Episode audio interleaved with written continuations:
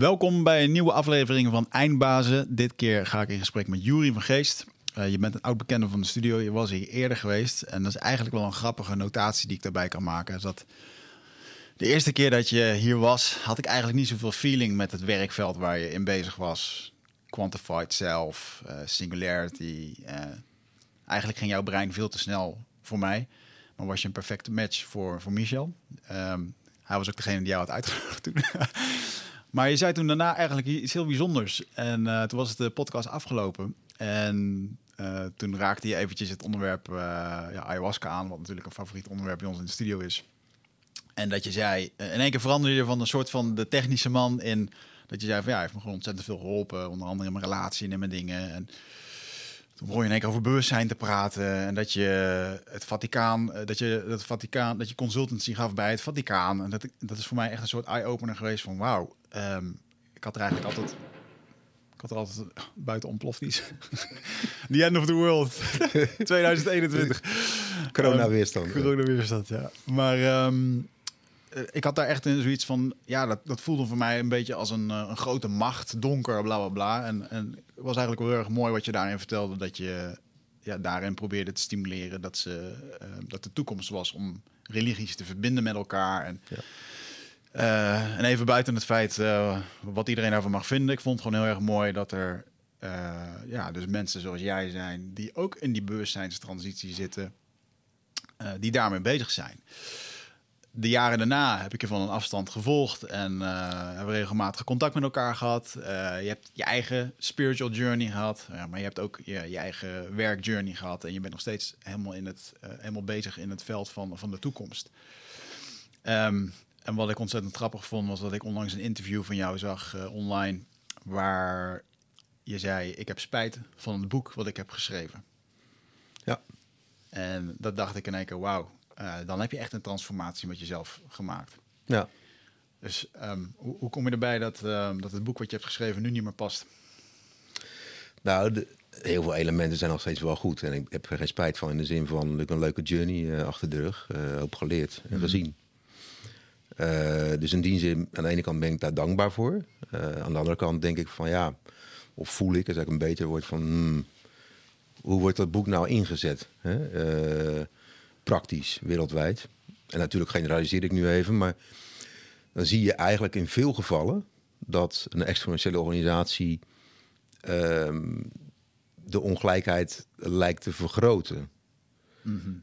Hè? Niet in alle gevallen. Dus, en de vraag is ook of alle bedrijven echt purpose-driven zijn. Vanuit, uh, nou, daar hebben wij het ook vaak over. Maar dat het niet een rationeel trucje is, maar dat het echt doorleefd is vanuit je lichaamcellen. Dat je purpose-driven leider en organisaties wil, wil bouwen. Ja. En daar zie ik toch, toch vaak een, uh, een mismatch. Dus, dus dan heb je dus een schaalbare, succesvolle organisatie die de wereld niet echt verbetert. Als ja. je begrijpt wat ik bedoel. En daarom heb ik er spijt van omdat ik daar uh, toen de tijd veel steviger in had moeten zijn. In het boek.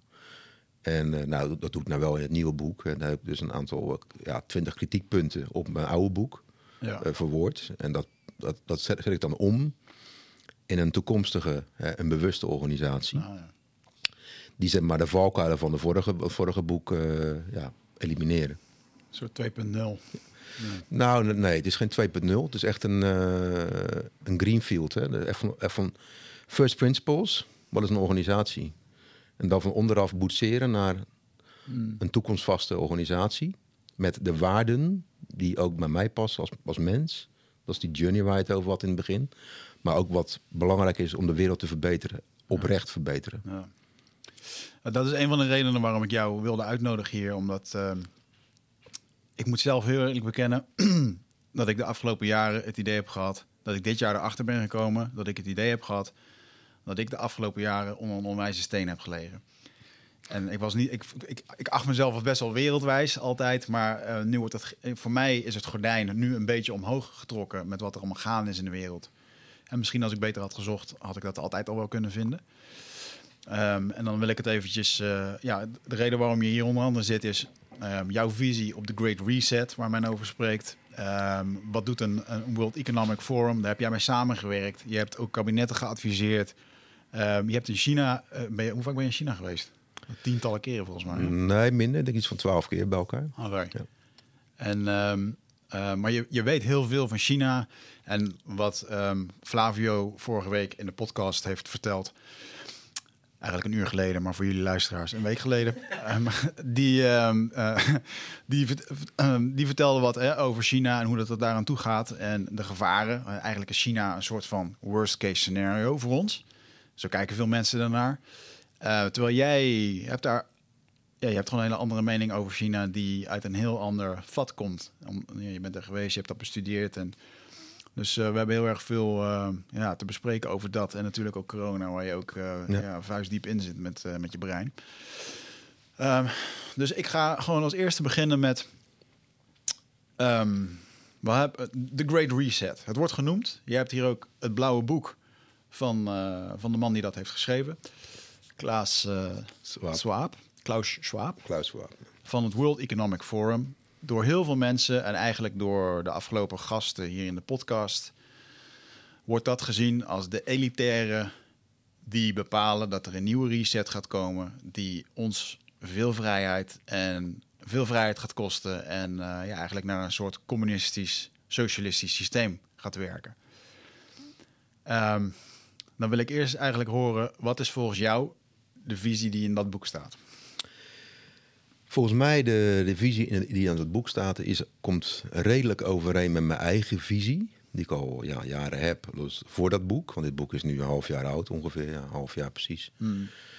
Ehm, de essentie is dat de, de oude wereld met de bestaande instituten eh, fundamenteel herzien moeten worden. Om ja, de planeet te redden. En dan praat je over eh, onze relatie met de natuur, dus klimaatcrisis, biodiversiteit, eh, de- laten we zeggen het label natuur. Waar ik zeer in geloof als een eh, aandachtspunt. En daarbinnen heb je natuurlijk honderd subproblemen, maar goed, dat parkeer ik even. Kunnen we ook over hebben. Het tweede is sociaal. De ongelijkheid neemt toe binnen landen. Nou, ook in Nederland, Amerika, nou, je ziet wat daar nu gebeurt, UK. Maar eigenlijk alle landen, dus een beetje ter wereld. Hoe gaan we die ongelijkheid minder maken? Daar ben ik helemaal gepassioneerd over. Al jaren. Denk aan de buitenboordmotor, hè, wat ik heb opgericht eh nou, vier jaar geleden met Simone eh, in Nederland om dat te verhelpen. Eh, maar ook wat je ziet, maar wat lichte manier, waar ik zelf nog het meest in geloof. En jij ook trouwens, is hoe gaan we het bewustzijn verhogen van iedereen op de wereld, ook van onze leiders. Dat komt niet terug in dit boek. Ze geven wel contouren van de oplossing, eh, waar ik voor een groot deel in geloof. Alleen wat mijn kritiek op dit boek is eh, dat het de, het fundament mist van hoe zorgen we er nou voor dat onszelf en ons mensbeeld, ons zelfbeeld en ander beeld op waardeniveau, dus eh, bewustzijn noem ik dat, alignment, hoe we dat gaan boosten. Want je kunt, je kunt niet ecolo- ecologisch inclusief zijn of sociaal inclusief zonder een hoger bewustzijn. Nou, jij weet dat eh, in de jungle, ik ook. Ja. Dat doet iets met je, eh, wat, wat gewoon niet meer uit je gaat. Nee. En dat, dat, dat, je wordt gewoon een ander mens qua waarde, eh, stapsgewijs. En dat heb je nodig om die sociale cohesie, hè, dus je verbinden met mensen onderling, minder ongelijkheid, maar ook hoe ga je respectvol met de natuur om, om dat te bekrachtigen. Ja. Als leider van de overheid, grote organisaties, dus echt purpose-driven. Nou, dit boek eh, is in mijn beleving, ook mijn eigen ervaring, niet een, ja, een, een groot reset, een complot. Daar geloof ik niet in. Eh, mijn eigen ervaring bij World Economic Forum, waar ik nu drie jaar bij zit, hè, vanwege de Future Council voor kwantumtechnologie en digitale platforms en ecosystemen. Nou, kun je even vergeten, is het maar, een soort denktank zeg maar, voor de toekomst, die de agenda bepaalt voor een deel, klein deel van de januari-sessies met al die, eh, nou, die leiders en die in, in Davos. Dus ik, heb daar rondgelopen en ja, die mensen lopen daar op straat rond, dat kun je ook aanspreken. Meestal niet altijd, vanwege veiligheid. Ja, dit, is- dit is gewoon een netwerkdingetje. Eh, ik, ik zie natuurlijk niet wat er allemaal in die achterkamertjes gebeurt. Maar ik heb natuurlijk wel inzicht in door allerlei gesprekken die ik voer met mensen die, wel, die dat wel doen. Of hebben gedaan in het verleden. Ja, het is gewoon een soort netwerkclub. En ja, wat gaaf is, het is, het is goed niveau. Hè. Iedereen die je spreekt, ja, heeft gewoon eigen, eigen verhaal, inhoudelijk. Eh, over het algemeen, het is goed netwerk, het is lol, het is vooral functioneel en lol. En ja, eh, in mijn beleving worden daar niet, er worden wat deeltjes gesloten, maar vooral eh, zakelijk En ook wat politiek, maar, maar wel vanuit de intentie, is mijn beeld, om de wereld echt beter te maken. Ook de mensen die ik zelf gesproken heb afgelopen drie jaar daar. ja, dat zijn over het algemeen wel purpose-driven mensen. Ja. En wat wel interessant is trouwens, ook voor jou denk ik, of voor de, de, de, luister, de kijker en de luisteraar. De, er is een split tussen mensen boven de 40 en mensen onder de 40 in Davo. Ja. Dus de millennials, zeg maar, Gen Z. En nou, ik beschouw mezelf ook zo, ook al ben ik een, uh, iets ouder. Maar qua mindset. Die, daar heb je dus ceremonies uh, tijdens de conferentie. Hè, shamanen uh, met smudging. En dus de rituelen waar jij over schrijft in jouw boek. Hè, en ik ook mm -hmm. ik afgelopen vijf jaar meegemaakt. Maar dat zit daar al in verankerd. Mm. Dat vond ik wel echt een wauw moment. Dat was, wanneer was dat? Ja, dat was twee jaar geleden, ja. Dat ik dacht van, oké, wow Hmm. Het, is ook hier aan het gebeuren, hè, die transformatie, die spirituele transformatie. En dat, was, was voor mij echt wauw. Ja. Dat gaf mij heel veel, heel veel hoop. Ik weet natuurlijk niet, zeg maar 40 plus, wat daar allemaal gebeurt. Er zijn waarschijnlijk wel kritische over die spirituele component, althans naar buiten toe. Ik zie je woord weinig. Maar die jongere generatie, ja, dat is, dat is gewoon top. Punt. Ja. Dat is gewoon top. Geeft me heel veel hoop. Ja, ja want wat je nu natuurlijk het, uh, het idee is nu, of wat er geschetst wordt, is dat de, de elite ja, iets ons probeert op te dringen. Wat heel erg veel angst inboezemt. Ook bij mij. Uh, zeker toen ik hier uh, ja, met, het, met het gedachtegoed in, uh, in aanraking kwam. Hè, met het idee van you'll, own own nothing, you'll be more happy. En dat het sluiten. En ja, het, Waar continu naar gerefereerd wordt, is het Chinese communistische systeem of het marxistische socialisme, als ik dat zo goed zeg. En dat, dat boezemt mij heel veel angst in, in combinatie met wat er nu gebeurt. Jij zei het wel heel goed. En wat, ik nu, wat er nu gebeurt, daar bedoel ik dan mee op met de soort um, gezondheidsmaatschappij die we nu krijgen, met heel veel surveillance. Um, en daarbij moet ik meteen denken aan, China. Um, dat als we daarnaar kijken met social credit systems en, en, en alles checken en censuur en dat soort dingen, ja, dan, dan, hoe, dan, dan kan ik daar rillingen van krijgen. Daar zou ik niet in willen wonen. In hoeverre um, heb, ik, heb ik het hier juist volgens jou? Is dat iets wat je kan, eh, gaat, gaat dat zich ooit vormen in, in Europa? Nou, niemand kan in de toekomst uh, kijken. Je kunt wel scenario's ontwikkelen, hè? possibility space noem ik dat. Mm -hmm. uh, potentials. Uh, je kunt wel de toekomst creëren waar ik steeds meer in geloof. Door het zelf te doen. Dat is één. Twee, uh, dit, dit, dit is een scenario wat we serieus moeten nemen. Maar ik zie ook heel veel andere scenario's waar ik zelf mijn hart voor maak. Hmm.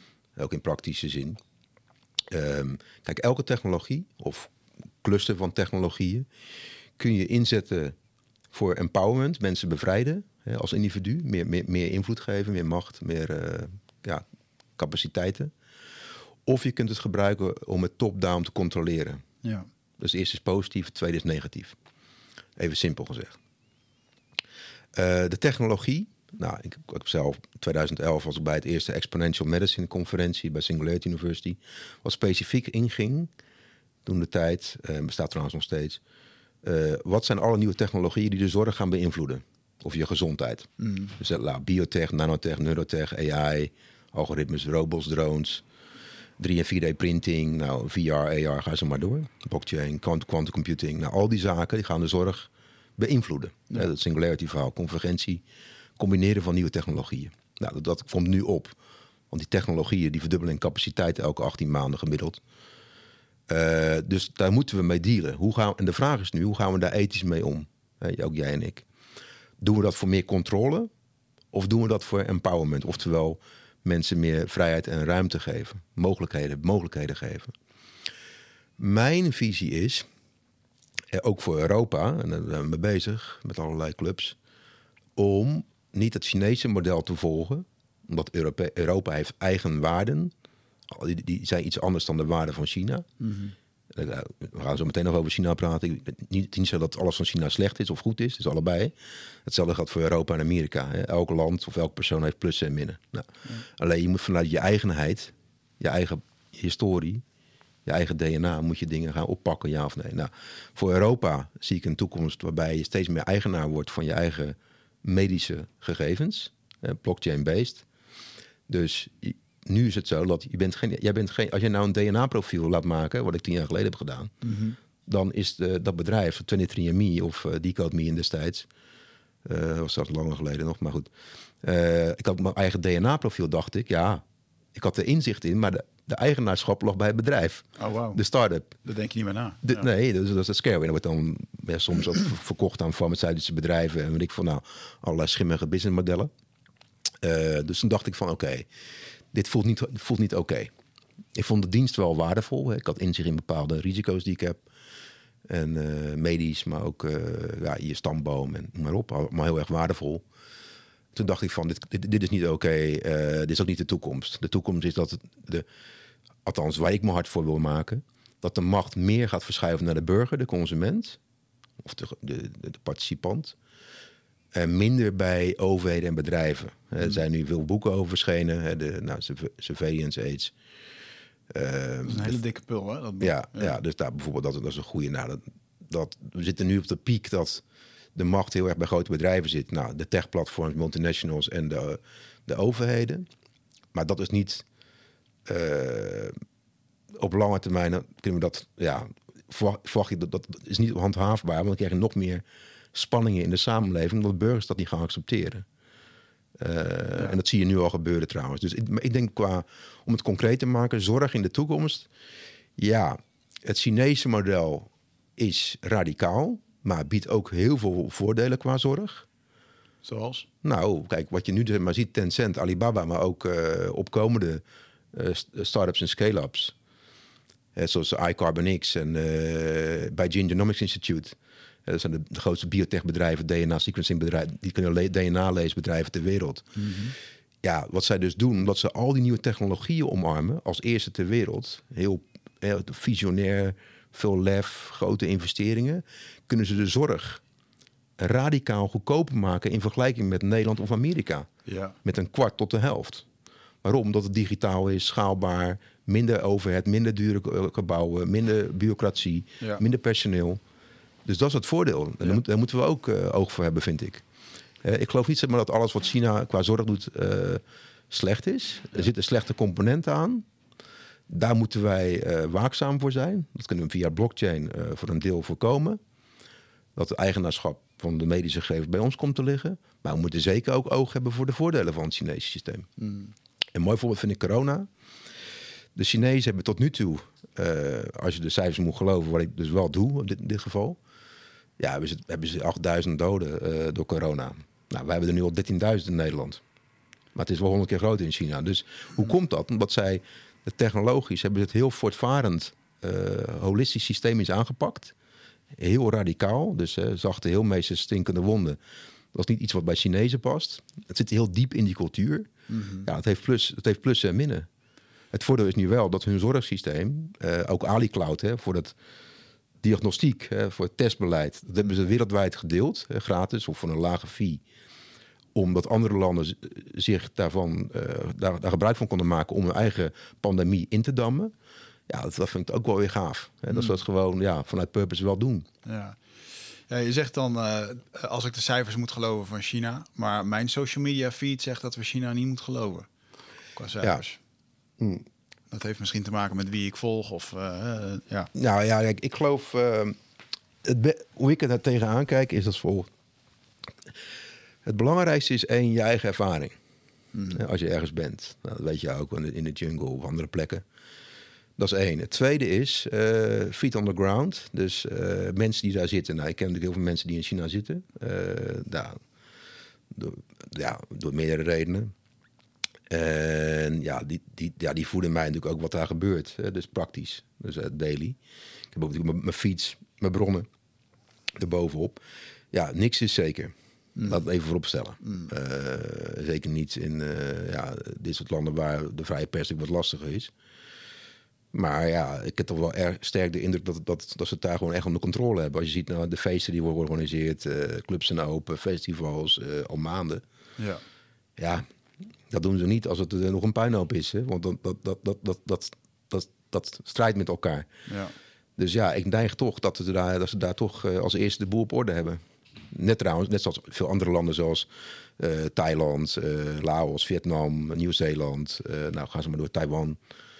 Kijk, het gekke is, als je naar corona de feiten kijkt, doet Afrika het briljant. Er zijn allerlei redenen voor trouwens, kunnen we ook nog over Ja. praten. Eh, bijna alle Afrikaanse landen, stop. Qua hè, aantal doden, minimalistisch, aantal eh, positief getesten. En Zuidoost-Azië, waaronder ook China. Nou, dat heeft te maken, in, Azië heeft het echt te maken met radicaal eh, op tijd systemisch technologisch ingrijpen. Hè, zachte heelmeesters maken stinkende wonden. En ze hebben natuurlijk al veel meer ervaring gehad met het verleden, hè, met pandemieën. Ja. Maar het is ook een collectivistische mindset, cultuur. Ze, we- ze denken te- in termen van wij, samenwerken en discipline, dan, dan laten we zeggen het Westen. Ja. Heeft ook geholpen.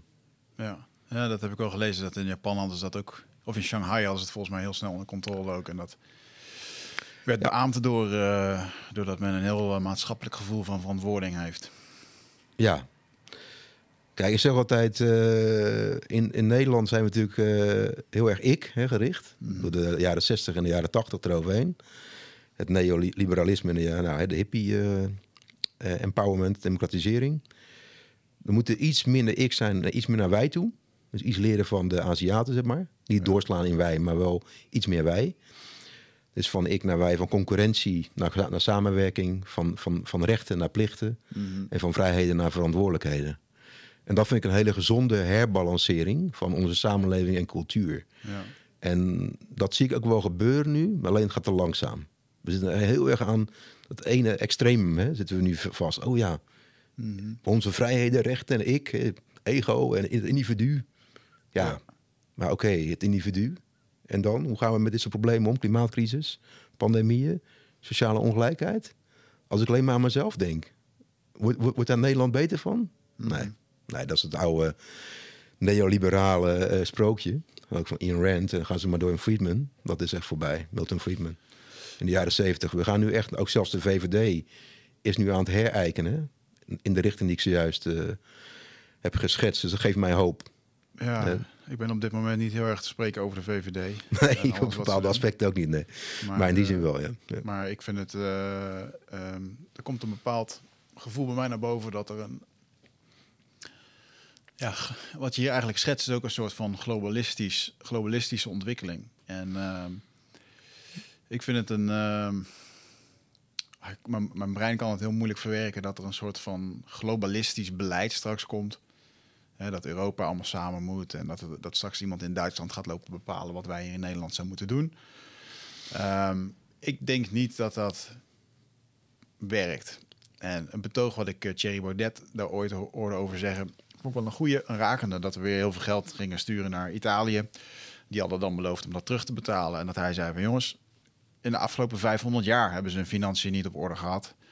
En het gaat nu echt niet in één keer veranderen dat we die miljarden terugkrijgen. We geven het weg en we zijn het kwijt. Punt. En dat globalistische idee dat we allemaal hetzelfde zijn, dat je alle culturen en alle dingen weg kan vagen, dat, ehm, dat er een soort van één, één en dezelfde zijn. En Het zit zo diep verankerd in een mens dat dat gewoon niet.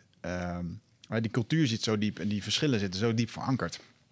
Dat ik dat ook een heel erg eh, moeilijk, ook helemaal geen gezond idee vind om iedereen gelijk te, ma- te maken. Ja, daar, kan ik wel op reageren. Kijk, daar ga ik voor een deel in mee. Ehm, aan de ene kant heb je zeg maar de... Ja, het is ook eigenlijk een simplificatie. Hè? Zo van, je bent of een globalist, of een localist, of een nationalist. Het is allebei eh, van belang. En hoe, hoe ga je de juiste balans vinden? De, de globalistische stroming, laten we zeggen, nou ja, van de jaren 80 tot nu. Ja, die heeft zeg maar de... eh, dat noem ik zeg maar eendimensionaal beleid. Dat, wat zeg maar de nadelen van dat beleid te lang heeft genegeerd. En daar ben ik het volkomen mee eens. Dus zeg maar de, de effecten op de onder- en middenklasse. Hè, eh, het negeren van de pijnpunten, de, de negatieve eh, aspecten. Werkloosheid, automatisering, eh, nou gaan ze maar door. Dus, maar ook de behoefte van mensen aan eigenheid. Hè. Nou, dat weten wij natuurlijk ook heel goed. Hè. Ik, ik scoorde vroeger qua aandacht voor rituelen en verleden vrijwel nul. Hè. Management drives, paarse kleur. Ik had, overal goede scores, gemiddeld de top, weet je, behalve paars. Ik had nul oog voor, de, voor het belang van roots, hè. rituelen, ceremonisch verleden. En Ja. nou, dat, daar ben ik enorm in veranderd de afgelopen vijf jaar. En dat zie je dus terug in de weerstanden van ja, mensen die eh, ja, vanuit populisme of andere beweegredenen daarvoor opkomen. En dat, dus ik, ik neem, dat, neem die, die behoefte wel heel erg serieus. Alleen, ja, je zal toch eens aan een synthese moeten gaan. Hè? Een combinatie van aan de ene kant, wat, wat pak je globia- glo- globaal op, wereldwijd, mondiaal, en wat pak je lokaal op? Ja. Nou, hoe ik dat zie, eh, de, de aard van het probleem bepaalt hoe je het aanpakt. Op welke schaal. Dus laten we zeggen klimaatverandering, eh, pandemieën, nou, alles wat eh, terrorisme, cybercriminaliteit, eh, georganiseerde misdaad. Dat moet je ja, continentaal of mondiaal aanpakken. Dat, dat is namelijk de aard van het probleem, is mondiaal. Dus dan moet de oplossing ook mondiaal zijn. Dat, is- dat, is, dat is gewoon common sense. Het tweede is, ja, je kunt er heel veel dingen lokaal oppakken. Misschien bepaalde nou ja, accenten qua onderwijs. hè, of nou ja, kunst en cultuur, zorg misschien ook wel. Ehm, ja, misschien defensie. Nou, moet je misschien ook wel weer op continentaal niveau, regionaal niveau doen. Dus ja, dat, ik, zin- ik denk dat, het, dat, dat die herbalancering gewoon cruciaal is. En het respect, het- kijk, ik geloof niet in zeg maar of-of denken. Hè. Je moet naar iedereen luisteren, mensen echt serieus nemen. Eh natuurlijk moet je je afwegingen maken van, oké, wat, wat, zijn de, wat zijn de feiten hier, wat zijn de meningen. Maar je moet wel in ieder geval oog hebben en oor voor de, be- de weerstanden die er zijn of feedback die er is. En kijken hoe je dat kan integreren. Ja. Eh, dus daar is het denk ik misgegaan met de globalisten. Ja. ja, want feedback, dat is nu wel echt een ding dat ik heb het gevoel dat mijn politieke invloed nul is, omdat er gewoon nooit aan mijn feedback wordt gevraagd. Wat ik wel merk is dat ik van de week een, eh, een, bijvoorbeeld een enquête heb ingevuld namens de overheid hoe ik dacht over dit nieuwe vaccinatiebeleid. En ik dacht, oké, ja, ik vind het wel belangrijk om te laten weten hoe ik erover denk en waarom ik erover denk. En nou, bedankt voor uw enquête. En een week later krijg ik, kom, krijg ik gewoon een soort marketing funnel... waarin ze mij nu gaan overtuigen waarom ik het wel moet doen. Ja, En dan denk ik, oké, dit Ja. is niet eerlijk. Dit is niet top, weet je wel. ja. ja het heeft twee aspecten. Je, je kunt het zeg maar eh, interpreteren als van ja, ik word hier eh, propaganda, ik word hier gestuurd, gemanipuleerd. Op een vervelende manier. Dat is een interpretatie. Je kunt het ook positief interpreteren van ja, eh, stel dat hun intenties allemaal kloppen, waar ik van uitga. Even los van sommige zaken die incompetentie laten zien. Maar goed, daar komen we zo nog wel even op. Maar ik denk dat de intenties wel puur zijn. Daar ga ik wel vanuit. Daar kun je over twisten, maar goed, dat is mijn beeld. Over het algemeen. Maar als je terugkijkt in de geschiedenis... eh, dat is misschien ook een hele brede vraag... maar als je terugkijkt in de geschiedenis... eh, kan je dan, eh, ja, kan je dan zellig- zeggen dat het altijd zo is geweest? Want waar baseer je dat dan op? Dat je daar, is dat dan gewoon jouw geloof in de goedheid van de mens? Nou, dat, dat, dat kom je een beetje bij de Rutger Bregman verhaal natuurlijk. eh, eh, nou, zijn bestseller. Maar ik denk, mijn beeld over het algemeen, mensen willen het goede doen. Laten we zeggen 80, 90 procent. Dat is ook mijn eigen ervaring. Niet iedereen trouwens, je moet niet naïef zijn. Dat, daar ben ik ook wel eh, van teruggekomen afgelopen jaren. Maar, maar goed, kijk, mijn, mijn beeld van ook mensen die ik gezien heb, gesproken heb... Hè, boven in de boom, zeg maar, eh, in Nederland en daarbuiten. Dus op politiek niveau, op bedrijfsleven niveau, ja... De meeste mensen zitten daar eh, niet met verkeerde intenties. Alleen dingen gaan soms fout. Omdat het gewoon een puinhoop is. Eh, vaak chaos of rommelig of ding- dingen gebeuren door toevalligheden. En ja, of er is sprake van incompetentie. Nou ja, er is wel een mix van dingen waarom dingen verkeerd gaan. Of, en dan worden vervolgens nu heel erg opgeblazen in negatieve zin door social media en andere zaken. Wat ik wel begrijp. Hè? Ik ben er zelf ook eh, soms eh, slachtoffer van. Eh, maar mijn beeld is wel over het algemeen, ook historisch bezien, laten we zeggen na de Tweede Wereldoorlog, ja, zijn er gewoon heel veel goe- goede dingen ontstaan. Ook minder leuke dingen, maar over het algemeen heel meer positieve dingen, ook in Nederland. Ja. En met race, nou, andere leiders en dat, ja, de sociale zekerheid. En, nou, en dat, is, dat is gewoon heel lang goed gegaan. Alleen ja, nu zitten we in een. Kijk, wat heel belangrijk is, denk ik, bij corona. En ook de financiële crisis tien jaar geleden, wat ook heavy was. Is ja, mensen eh, zoeken bij een grote crisis zoals nu, zoeken houvast. En wat, wat is het eerste wat jij doet als ik het kleedje onder jouw voeten vandaan trek? Wat is het eerste wat jij doet? Eh, ja, oppassen dat ik niet val. Ja, Ja, je zoekt houvast. ja oh, Stabiliseren. Ja, ja, exact, ja. Dus nou, dit is gewoon de metafoor wat er nu aan de hand is. Mensen zoeken houvast, eh, onbewust, ook bewust soms, in ja, een hele heftige situatie. Ik ook. Wat, wat- nou, de kernvraag is, wat is je houvast? Nou, vroeger was dat religie of misschien je organisatie, lifetime employment, hè, zekerheid. Of je, je, je, je community, hè, de civil society, je, je vrijwilligerswerk of je vereniging. Of, ja, nu is je social media, je tribe of, eh, ja, of iets in jezelf. Nou, daar gaat jouw boek over, wat natuurlijk een fantastisch boek is. Eh, ik hou mijn zekerheid steeds meer van binnenuit. Ja. Dat is mijn boei, mijn anker. In een, een tijd wat heel chaotisch is. Ja. En eh, wat je dus ziet, is dat, even terugkomend, na, terugkomend naar jouw vraag, dat mensen dan ook de intenties van leiders wantrouwen, omdat ze zelf aan het zoeken zijn naar dat, naar dat houvastpunt. Wat heel begrijpelijk, heel menselijk ook is. En dan heb je fake nieuws erover in social media om dan ja, dat nog uit te vergroten. En eh, dat is een zorg. Ja. Maar wat, dat is wat de leiders nu moeten doen, hè, en dat dat zeggen we ook overal eh, waar we komen, van ja, wij moeten als leiders hè, een toekomstvast verhaal gaan vertellen, wat mensen purpose biedt, visie, houvast, met nieuwe technologieën op een positieve manier, nieuwe organisatiemodellen zoals mijn boek, exponentiële organisaties, en hè, om de mensen weer hoop te geven, perspectief, eh, vertrouwen eh, in zichzelf, in elkaar, in, in leiderschap, in de politiek. Ja. Dat ontbreekt nu. Dat komt er wel aan hoor. Maar dit- dat, en dit boek eh, gaat daar een beetje op in, maar het gaat niet ver genoeg. Ja. Wat ik al zei. Hè. Dus, ehm, dus ja. ik snap het wel. Want als je, de, als je de filmpjes kijkt van de Great Reset, dan denk je, wauw, prachtig, Ja, ja, mooi. ja, ja, weet gek.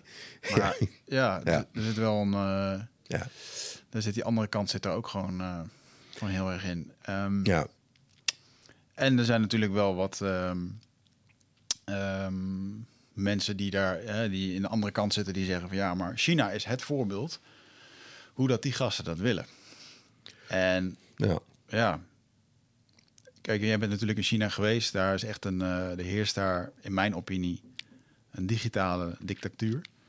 Eh name and shame als je rekeningen niet betaalt op eh, televisieschermen. En, en ik denk dat dat misschien ook meer de cultuur daar is. Ehm, social credit system, wat ook echt een, ja, is niet, nou laat ik het zo zeggen, het is nu niet voor te stellen.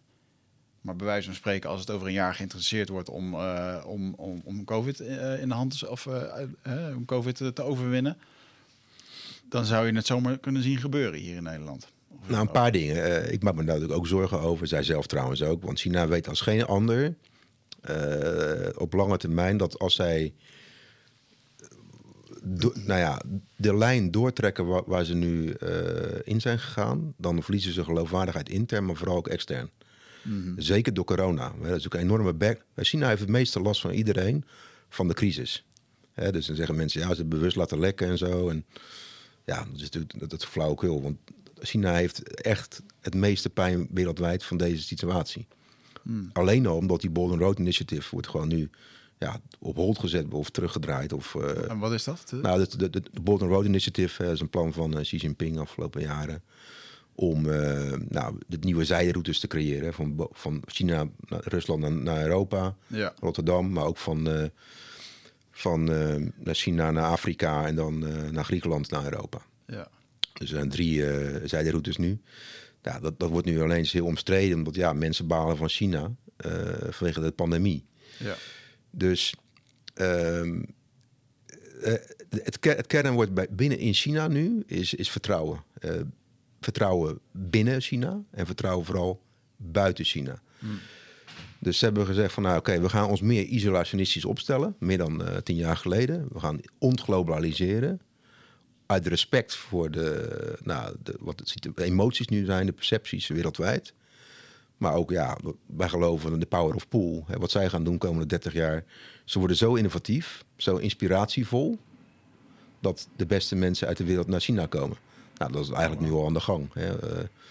en dat dus geen push, maar pull. Hè. Dus push is het, het oude...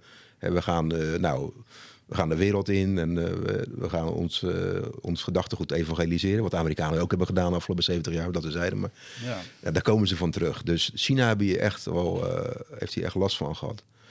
En ja, kijk, om even diep op jouw punt in te gaan. Kijk, dat social credit system, daar moet je even de diepte in gaan. Wat zijn de roots daarvan? Hè, je hebt het publieke eh scoringssysteem en privaat. Hè, met eh, die techplatforms die dat ook faciliteren. Het is eigenlijk ontstaan om corruptie en oplichters, oplichterij, om eh, En, ja, om dat te voorkomen. En nu is het een beetje doorgeslagen naar andere gebieden. ook door de pandemie. Hè, dat, dat, dat, ja, dat het gewoon een health check wordt. eh, anders heb je geen toegang tot gebouwen. Hè, als je geen vaccin hebt of Ja. een test, eh, gunstig resultaat. Ja. En ik, ja, als ik daar ben, dan hou ik daar natuurlijk ook rekening mee. Hè. Eh, nou, als je oversteekt en noem maar op. Maar goed, Ja, want Ja. als jij daar komt als buitenlander, jij wordt ook... nou, wat het grappige is, kijk, het grappige is, vind ik, althans vind ik grappig, als ik in China ben, hou ik me in. Ja, Hè? Dus hier, hier kan ik dingen doen die, die ik daar niet kan doen. En het gekke is, ja, aan de ene kant voelt dat natuurlijk eh, onvrij, hè? dat voelt onprettig, ben ik mee eens, maar dat went ook weer snel trouwens. Aan de andere kant, ja, je leeft veel gezonder. Je, je, je, bent, je leeft gezonder voor jezelf en voor andere mensen. Omdat je de excessen die je hier wel in je leven toelaat, die doe je daar niet. Dus, daar wat je dus eigenlijk toepast, is een soort vorm van, van zelfcensuur.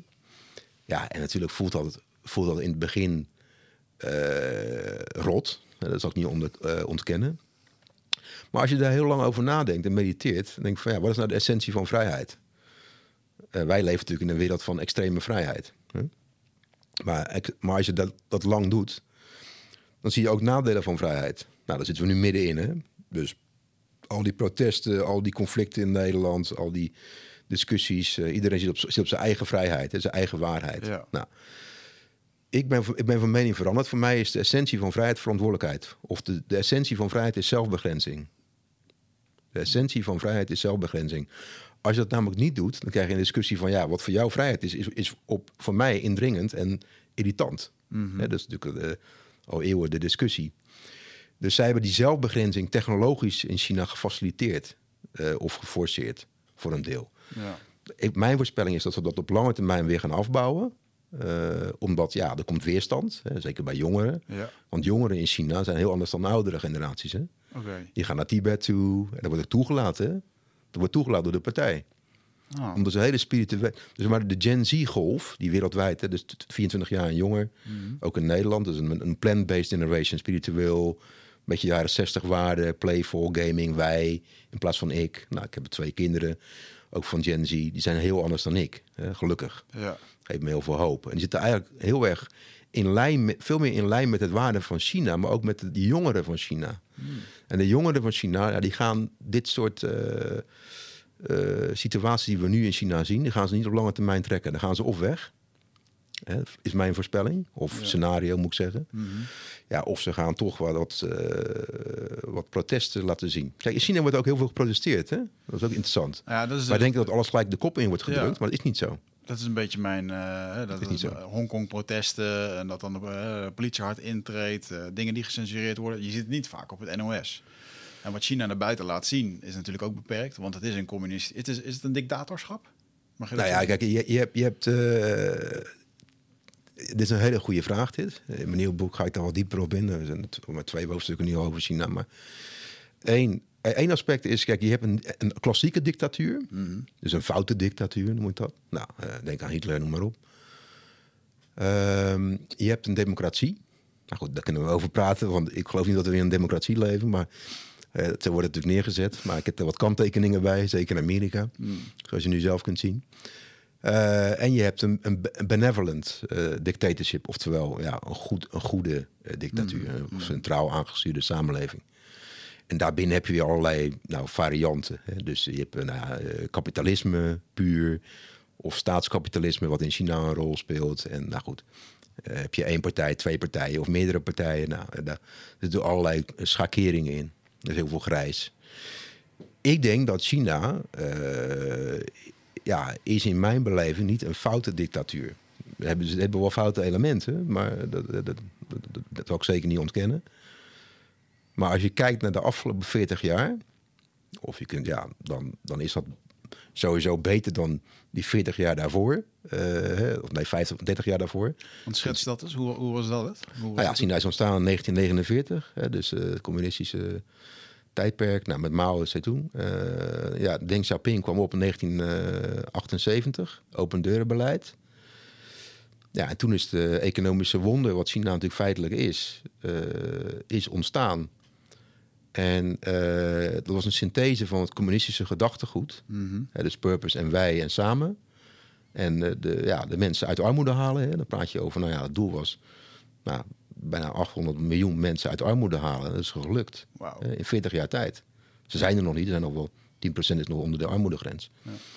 Dus het is een heel erg purpose gedreven eh, ja, land. En dat weet ik omdat ik die mensen ontmoet heb, hè, een paar keer zelf. Door mijn zakelijke activiteiten. Bij Inspur en Huawei ook, maar vooral bij Inspur viel me dat op.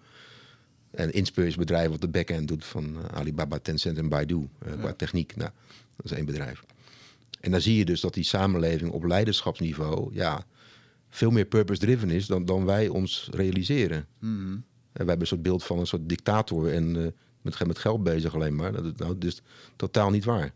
En ook Xi Jinping heeft, eh, ja, we denken dat het een soort dictator is, wat natuurlijk zo lijkt als je de besluiten ziet de afgelopen jaren. Maar ja, hij heeft ook last, als hij verkeerde beslissingen neemt, dan heeft zijn familie daar last van. Hè? Dat is hoe het Chinese systeem in elkaar zit. Dus er is skin in the game. Oftewel, als jij als leider, bedrijfsleven of overheid, als jij grote fouten maakt, strategische fouten, wat het land eh, veel pijn oplevert, dan heb, heb jij daar niet last, last van, maar vooral je, je kinderen en kleinkinderen. Oh, wow. dat, dat, is, ja, dat is het, systeem Dus er is heel veel skin in the game. Het eergevoel. Dat zit in de cultuur. Hè, het Confucianisme, eh, dat is één. China is eigenlijk drie hoofdstromingen. Uiteraard kun je er ook wel eh, andere dingen toevoegen. Maar historisch, eh, Confucianisme en Taoïsme.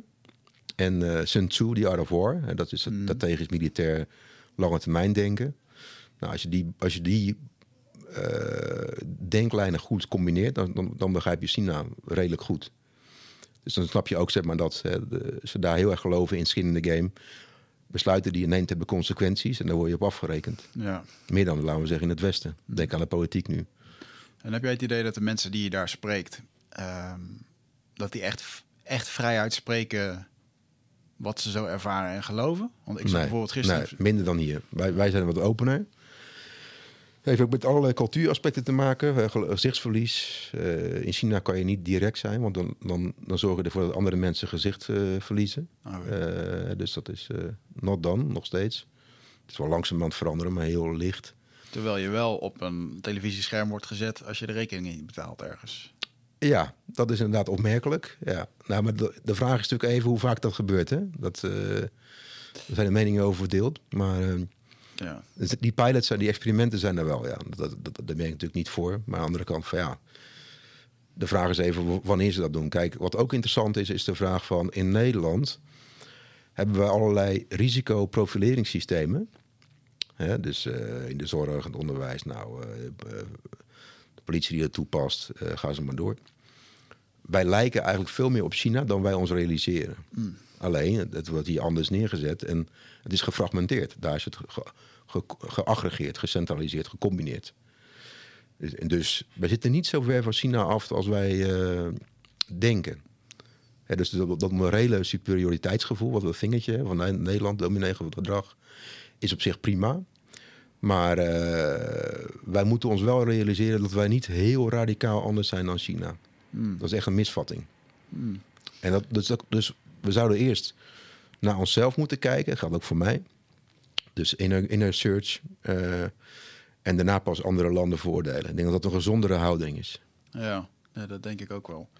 Ja, wa- wat nu natuurlijk, eh, waar ik dingen bijvoorbeeld echt niet in begrijp in China, is bijvoorbeeld, ja, ze- ik geloof de Oeigoeren. Daar zijn ze, hè, dat Ja. ze mensen echt gewoon of naar concentratiekampen sturen, of naar hervormingskampen, of hoe dat ze dat willen noemen, en dan echt met honderden tegelijk. Eh, dat ze de vrouwen ervan laten slapen met Chinese mannen eh, om ze daarin te trainen. Een hele brainwash machine die daar dan werkt. Dan denk ik echt, wow man, dat is echt niet ethisch. Het is niet oké.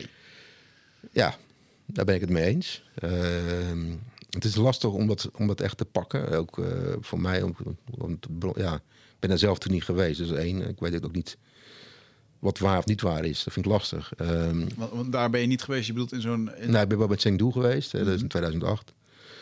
Ehm, want waar pra- we praten nu over. Ik weet het ook even niet hè, voor mijn gebied. We praten nu over een bepaald gebied waar dit gebeurt. ja, ja, Xinjiang. Ja. Ja.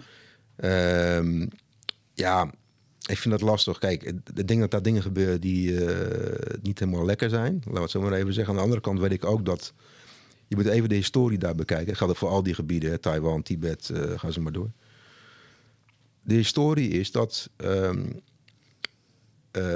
de Chinezen zijn bang voor uh, ja, woekerend terrorisme, isma, islamitisch terrorisme, okay. moslimterrorisme. En dat moet je snappen vanuit de historie van China. Ja, China heeft een aantal keren een machtspositie opgegeven afgelopen 5000 jaar. Door een aantal factoren. Enerzijds door zich te isoleren van de wereld en nieuwe technologie. Denk aan de scheepvaart, hè, 500 jaar geleden. Want daar waren ze leading in en hebben ze opgegeven. Nou, daar hebben ze van geleerd. Maar ook door, uh, omdat het zo'n groot land is, ook vroeger al. Als zij uh, dissidenten uh, te lang, te veel ruimte geven, dan leidt het tot fragmentatie. Tot issues op lange termijn, dus destabilisering. Ja. China is alleen maar gericht op stabiliseren. Dat is het allerbelangrijkste doel van de partij. Oh, wow. dus alles wat ze doen, moet je vanuit die vraag bezien. Wat ze doen, is altijd ten faveur van meer stabiliteit. Zeker in een, in een economie en een samenleving die radicaal aan het veranderen is. Ze hebben vier revoluties in 40 jaar tijd doorlopen. Hè? Landbouw, industrieel, uh, informationeel, postinformationeel. Mm.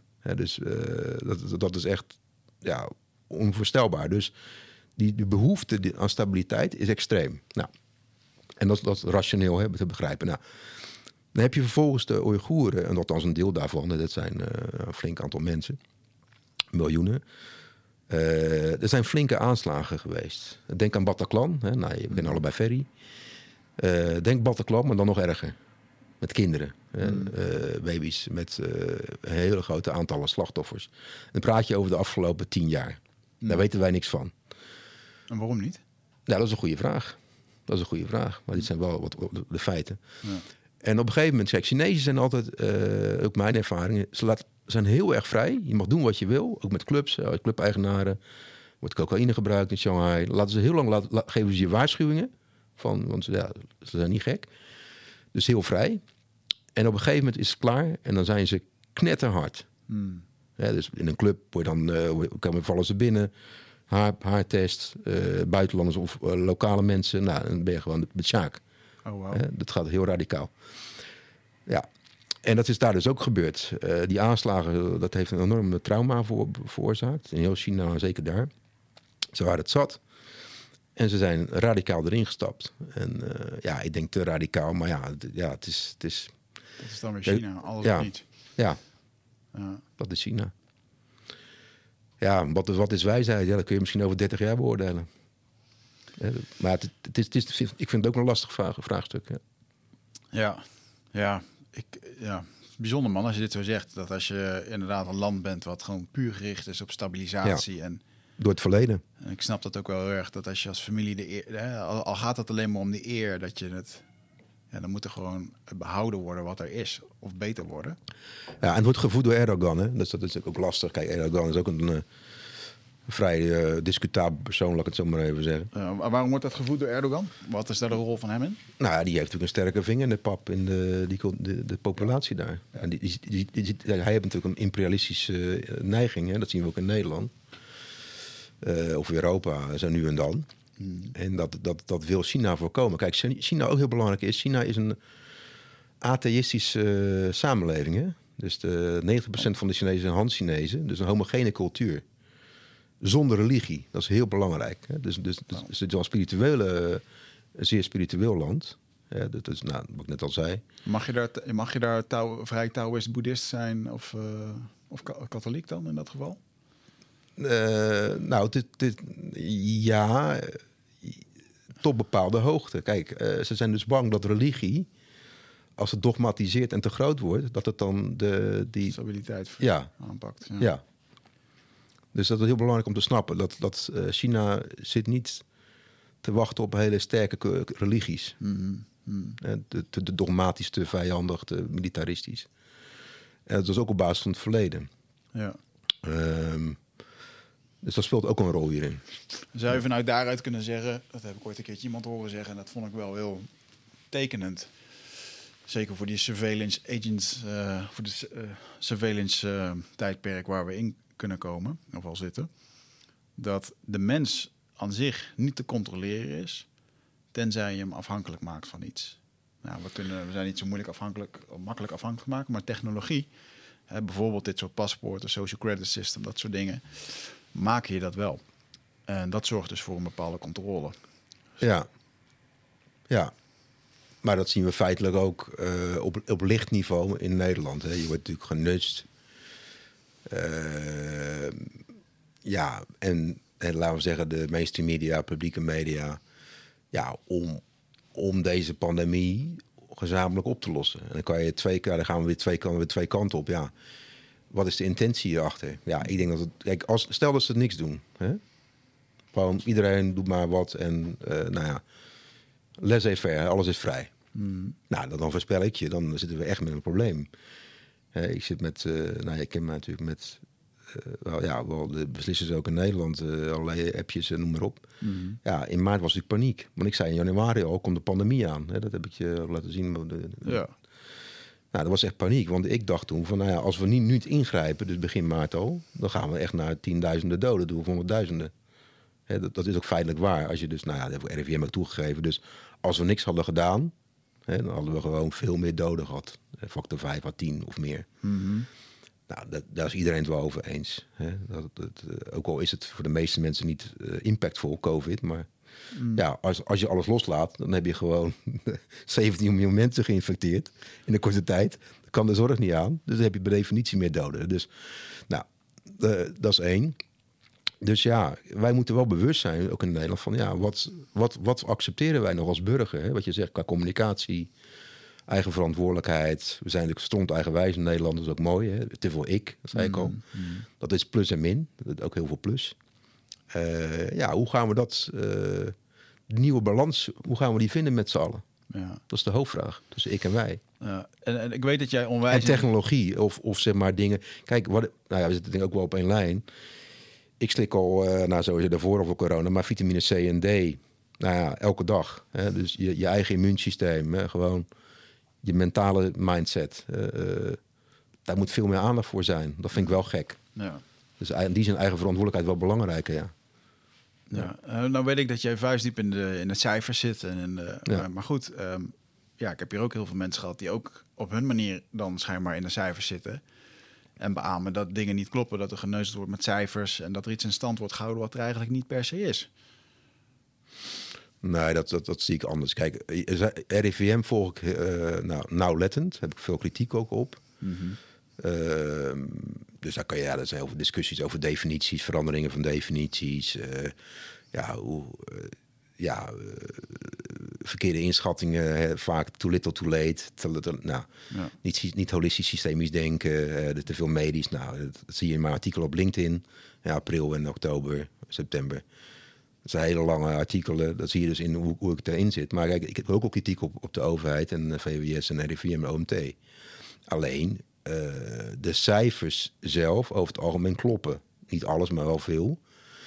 En de essentie wat mij betreft is, kijk, het, het is een exponentieel ding, hè, een pandemie. Mm -hmm. En dat, dat begrijpen nog steeds van mij op, niet iedereen. Van ja, als je dus, je, omdat het exponentieel is, moet je heel vroeg ingrijpen. Want de winst die je boekt als je snel ingrijpt, ook een korte lockdown in het begin, dat hou je er dik uit dan als je later ingrijpt. Want dan gaat het, ja, dat gaat het meer doden en ellende opleveren, maar ook het gaat langer duren om het weer naar een normaal niveau te krijgen. En ja, bijvoorbeeld nu met de UK-mutatie, dat virus. Dat, de verhalen zijn nu dat de reproductiefactorgetal is 0,5 hoger. Ja, omdat het dus veel besmettelijker is. Mm -hmm.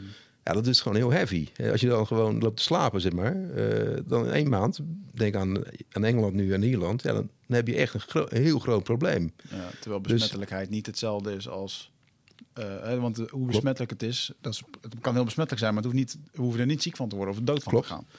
Wat je nu zeg maar ziet, nou ja, uh, de death ratio was in het begin, laten we zeggen januari, toen we het gingen volgen tussen de 4 en 10 procent. was het helemaal, uh, daarom zal ik aan die belden trekken toen al. Hè? Overal, als een soort uh, nou ja, maloot. Uh, en dat is toen gedaald naar 0, nou ja, 0,5, tussen 0,5 en 0,1 hangt een beetje van het land af. Dus dat valt mee. Maar je ziet nou ook steeds meer lange termijn effecten. Hè, van, dus niet alleen maar omdat de ouderen de, hier last van hebben, ook steeds meer jongeren. Ook met die mutaties. En uh, lange termijn effecten. Hè, dus ook qua medische effecten. Moeheid, uh, cognitieve problemen, ga ze maar door. Dus dat is ongeveer 10 procent. Mm. Nou, Dus als je alles vrijgooit, even simpel, even een rekensommetje. We hebben 17 miljoen mensen in Nederland, bijna 18 miljoen. Laten we zeggen 17 miljoen. Nou, je pakt eh 10% Dan heb je, een- laten we zeggen, 1,7 miljoen mensen die echt een tik krijgen. Als werknemer, werkgever, als leider, als mens. Boven alles. Hè? Het gaat mij om de mens. Ook als vader, als, als partner, als, eh, nou, als, mens. Ja, dan heb je echt een knal. Wat betekent dat voor de systemen die we hebben? Als 1,7 miljoen mensen. Dat de zorg, mens, mensen vallen uit. Onderwijs, leraren vallen uit. eh, in alle systemen krijg je dan problemen qua nou ja, beschikbaarheid. Hè? Eh, de mensen zijn gewoon niet meer beschikbaar of productief genoeg. Wat is de maatschappelijke impact daarvan? De economische impact daarvan? Wat betekent dat voor onze innovatievermogen? Het zijn allemaal vragen die natuurlijk een rol spelen op langere termijn. En dus ik vind het naïef om alleen maar naar, hè, dat noem ik eendimensionaal denken, de death ratio te kijken. Ja, dat valt mee. Het is gewoon de griep maal drie. Alleen, dat, dus op dat niveau. Maar dat is heel simpel denken, noem ik dat. Waarom? Eén, het is onbekender dan griep. Nou, denk aan de mutaties nu. Nou, misschien komt er zelfs een mutatie die, die het vaccin overbodig maakt. Kan, dat zei- schreef ik in maart al, april. Hè, dat kan allemaal gebeuren. Eh, maar ook vooral de lange termijn schade-effecten. Medisch, voor die mensen zelf. Hè? Eh, en heel veel weten we nog niet. We zitten nog aan het begin. Het is een nieuw virus. Ja. Dus We ja, weten wel meer dan in het begin, dan een jaar geleden. Maar ja, nog steeds zijn er heel veel onzekerheden. ja. Jij denkt ook nog dat we hier wel een tijdje in zitten nog. Nou, mijn, voor, eh, in april schreef ik, nou, over binnen negen maanden hebben we een vaccin. Nou, dat was echt op, op de maand. Eh, er komen drie golven aan. Nou, de tweede golf heb ik ook voorspeld, Q4. Dus in april al, exact eh, getimed. Toen was de grootste golf, net als de meeste pandemieën, ook voorspeld. En er komt nog een derde golf aan. Een kleine golf, denk ik, in... nou ja, dat zal augustus, september zijn. Weet je wel, dan denkt natuurlijk iedereen, we zijn er. En we zijn er dan ook bijna. Hè? Als het vaccin overeind blijft met al die mutaties. Hè? Groot vraagteken. Maar het ziet er op dit moment goed uit. Eh, dan heb je nog een derde golf en dan zijn we eruit. Dus Q4, Q1, dan zitten we echt op een lekkere plek. En eh, nou ja, ik denk dat deze golf duurt tot april. April, mei verwacht ik. Ik denk april, want die lockdown wordt volgende week nog geïntensiveerd. Dat, dat vermoed ik. Daar ben ik op zich ook wel voor. Ehm, ja, en dan zijn we eruit. En, dus ja, en dan komt er een hele gave periode. Eh, ik praat ook met eh, ja, die mensen, natuurlijk festival-eigenaren, noem maar op. En eh, evenementen, dat is ook een deel van mijn werk, weet je, als. Maar, eh, maar ook kunst en cultuur en natuurlijk horeca, dat gaat natuurlijk ontploffen. Ik voorspel nu al de high-end restaurants. Laten we zeggen vanaf mei tot, nou ja, laten we zeggen september. Moet je twee maanden voor reserveren en de prijzen gaan omhoog. Want ja, je hebt, min- je hebt minder aanbod hè, qua horeca, door faillissementen, Ja. helaas. En je hebt meer vraag. Ja. Dus dat wordt, wordt een gekkenhuis. Ja, grappig. Dat En je een mooie dat, tijd om eh, mee te maken trouwens ook. Het is voor mij echt even een ehm, soort van gewenning om iemand hierover te horen praten. Eh, Jij zit hier met een glimlach eh, dit soort dingen te vertellen over hoe je dat dan voor je ziet. En eh, ik moet zeggen dat het mijn systeem van denken ook wel weer even aantikt. En dat ik toch... Mijn houvast is ook nu een soort van... eh, eh, er wordt mij iets opgedrongen verhaal. En dus ik ben ook heel erg mijn radar, mijn hersenen zijn gewoon continu op zoek naar dit soort, eh, dit, ja, dit soort dingen. Om dat te bevestigen misschien wel. Dat is ook wel een gevaar. Ja, dan kom je in die filterbubbel. Hè. Dat is natuurlijk het gevaar met die algoritmes. Ja, En, en daarnaast, wij klikken natuurlijk eerder op eh, factor 5 à 10 keer sneller op eh, negatief nieuws dan positief nieuws. Mm. Dus, en, dus ja, complotten, rare, rare, dingen, rare dingen, fake nieuws. Ja. Scoort gewoon beter, commercieel. Dus die bedrijven hebben ook een belang daarbij. En dat is allemaal, de techplatforms al lang be- bewezen. YouTube, Google, dus eh, Facebook. eh, nou, gaan ze maar door. Dus, en eh, ja, ja, dan kunnen we een brug maken naar China. Kijk, in China, eh, in China worden die techplatforms nu ook hard aangepakt. Hè? Jack Ma, eh, maar ook Alibaba in brede zin ook. eh, Oh, die eigenaar is nu toch gewoon spoorloos? Nou, dat, dat, flauwekul. Ik heb het even nagevraagd, maar hij zit nu gewoon... Wat, wat, waar is die nu dan? Die is weer terecht. Nee, hij is gewoon nog, hij, hij is niet ondergedoken, maar houdt zich even koest. Ah, hij had natuurlijk de grote mond. En Ja. eh, het heeft wel ego en geld en eh, toestanden.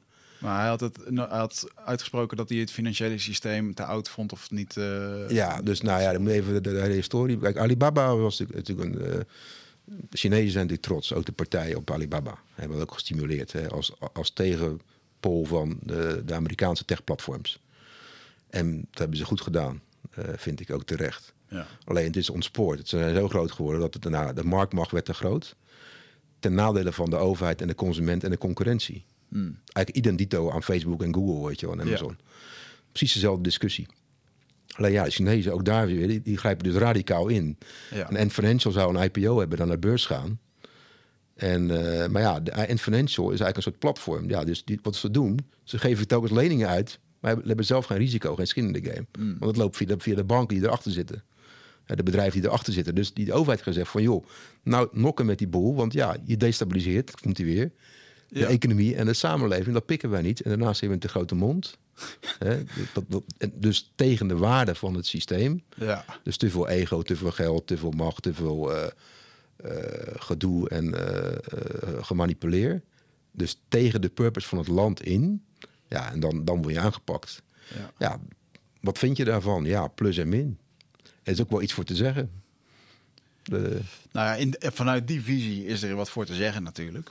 Ehm, anderzijds, eh, vanaf ons, vanuit mijn visie kijk ik er naar eh, van ja. Had ik eigenlijk nooit naar gekeken dat zo'n Alibaba eenzelfde soort invloed heeft als een Facebook of een, Absoluut. of een Google nu. Maar, meer zelfs. Ah, en dat, dat ontken je niet. Dat, ehm, ehm, of on- ontkennen, dat is niet misschien een beetje het verkeerde woord. Maar je ziet ook wel dat een Facebook, een Google en een Apple eh, nu een bepaalde monopolie hebben die ongezond begint te raken.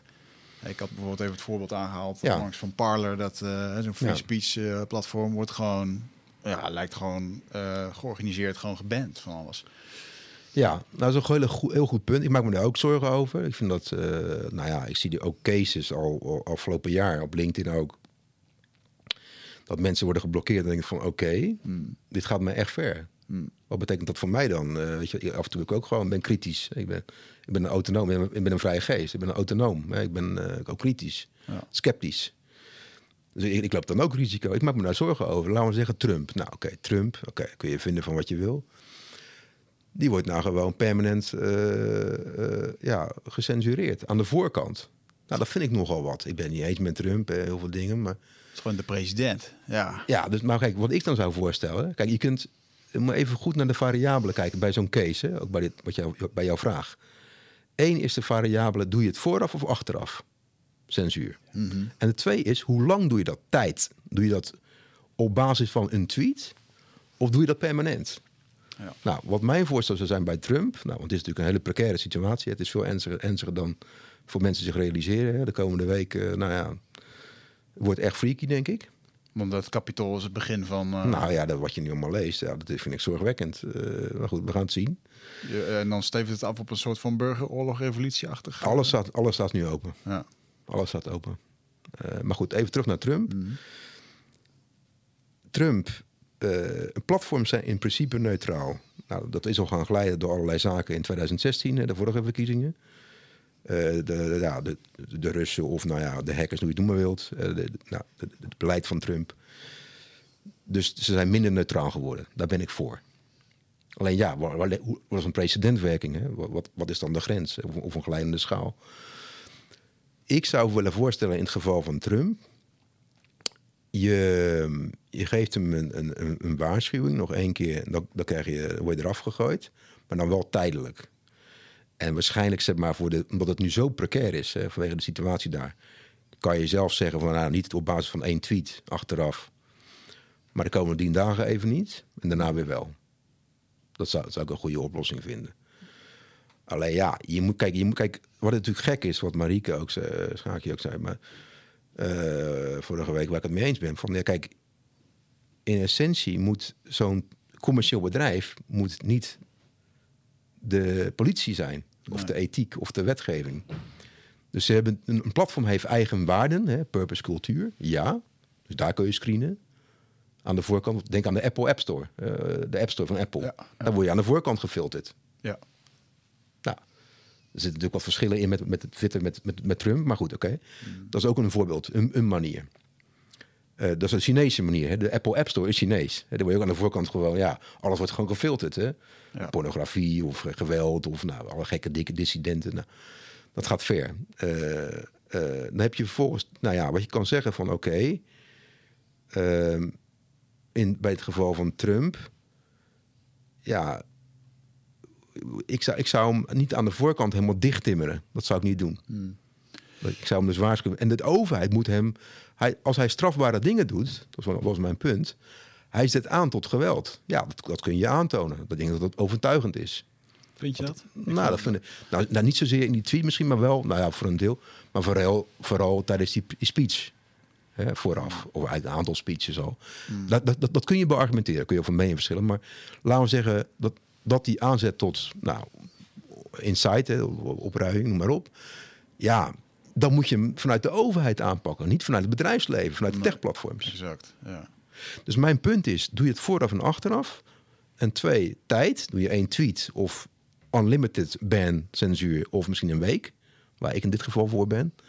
Maar je moet al die belangen natuurlijk afwegen nu. Het is echt heel, heel ja. Ik geloof sowieso, ik geloof sowieso ethiek is altijd uh, con, ja, per, per fase apart. Ja. Ik geloof niet in generieke ethiek, daar geloof ik niet in. Dit is een hele bijzondere situatie waar we in zitten in Amerika. Ja, wat ik daar nu, wat mijn observatie is, is dat de Democraten een hoop van de media in handen hebben, waaronder een Twitter en, uh, of tenminste Twitter staat aan de kant van de Democraten. Klopt. En ik zie nu wel een soort van uh, eliminatie van Trump uh, online. Nou, daar heb je een punt. Dat is een uh, reëel scenario. Hè.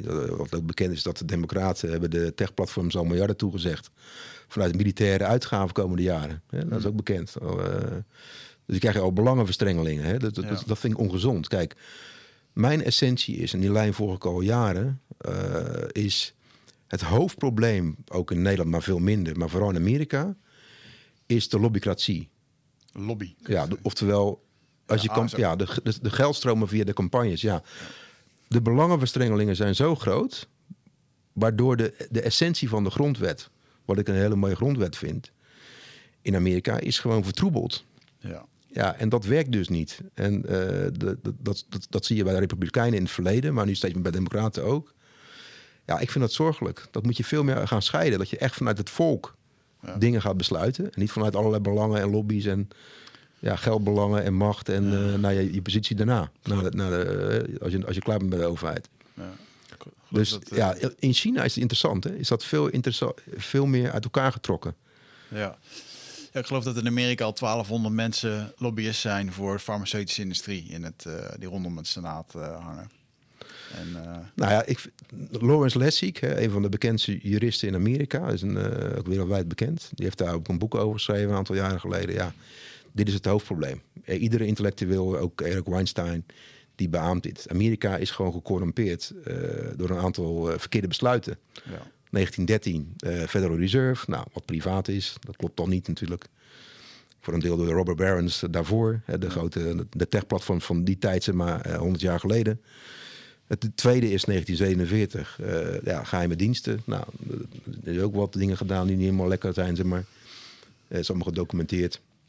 En daarna natuurlijk jaren 80, 1980, Reagan, Reaganomics. Waarbij dus het geld uh, nog meer primaat kreeg dan daarvoor. Ja, en dan krijg je dus dat, dat, dat, dat de essentie van de politiek uh, wordt ondermijnd.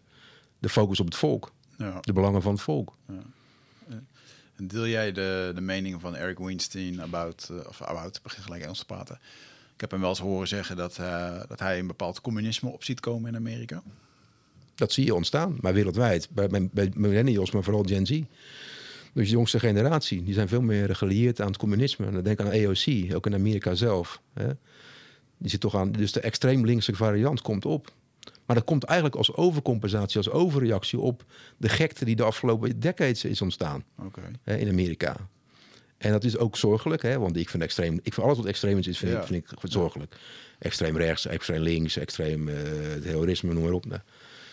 En dus ja, je zit nu in, in een soort pingpong situatie in Amerika, maar ook een beetje in Europa, maar iets minder. Waarbij extremen uh, ja, elkaar afwisselen in de tijd. Nou, dat, dat, dat gaat hem niet worden. We moeten nee. terug naar, naar het nieuwe midden. Hè. Toekomstvast, wat ik zeg. Hè. Met, een, met een purpose, met een visie, met het hoop, met perspectief, met in, sociale cohesie, ja. uh, met natuur. En dat, dat, dat, dat komt nu ook wel op, ja. dus gelukkig. Ik las in de geschiedenis van de aarde dat communisme 42 keer ontstaan is en dat 42 keer gefaald is. Nou ja, communisme uh, heeft geen goed track record. Dat, daar ben ik het mee eens. Uh, hè, dat is evident. Uh, kapitalisme. Kijk, ik, ik, ik wil dat we naar een, een, een, een, een ja, een, fundamentele aanpassing gaan van het kapitalisme. Hè?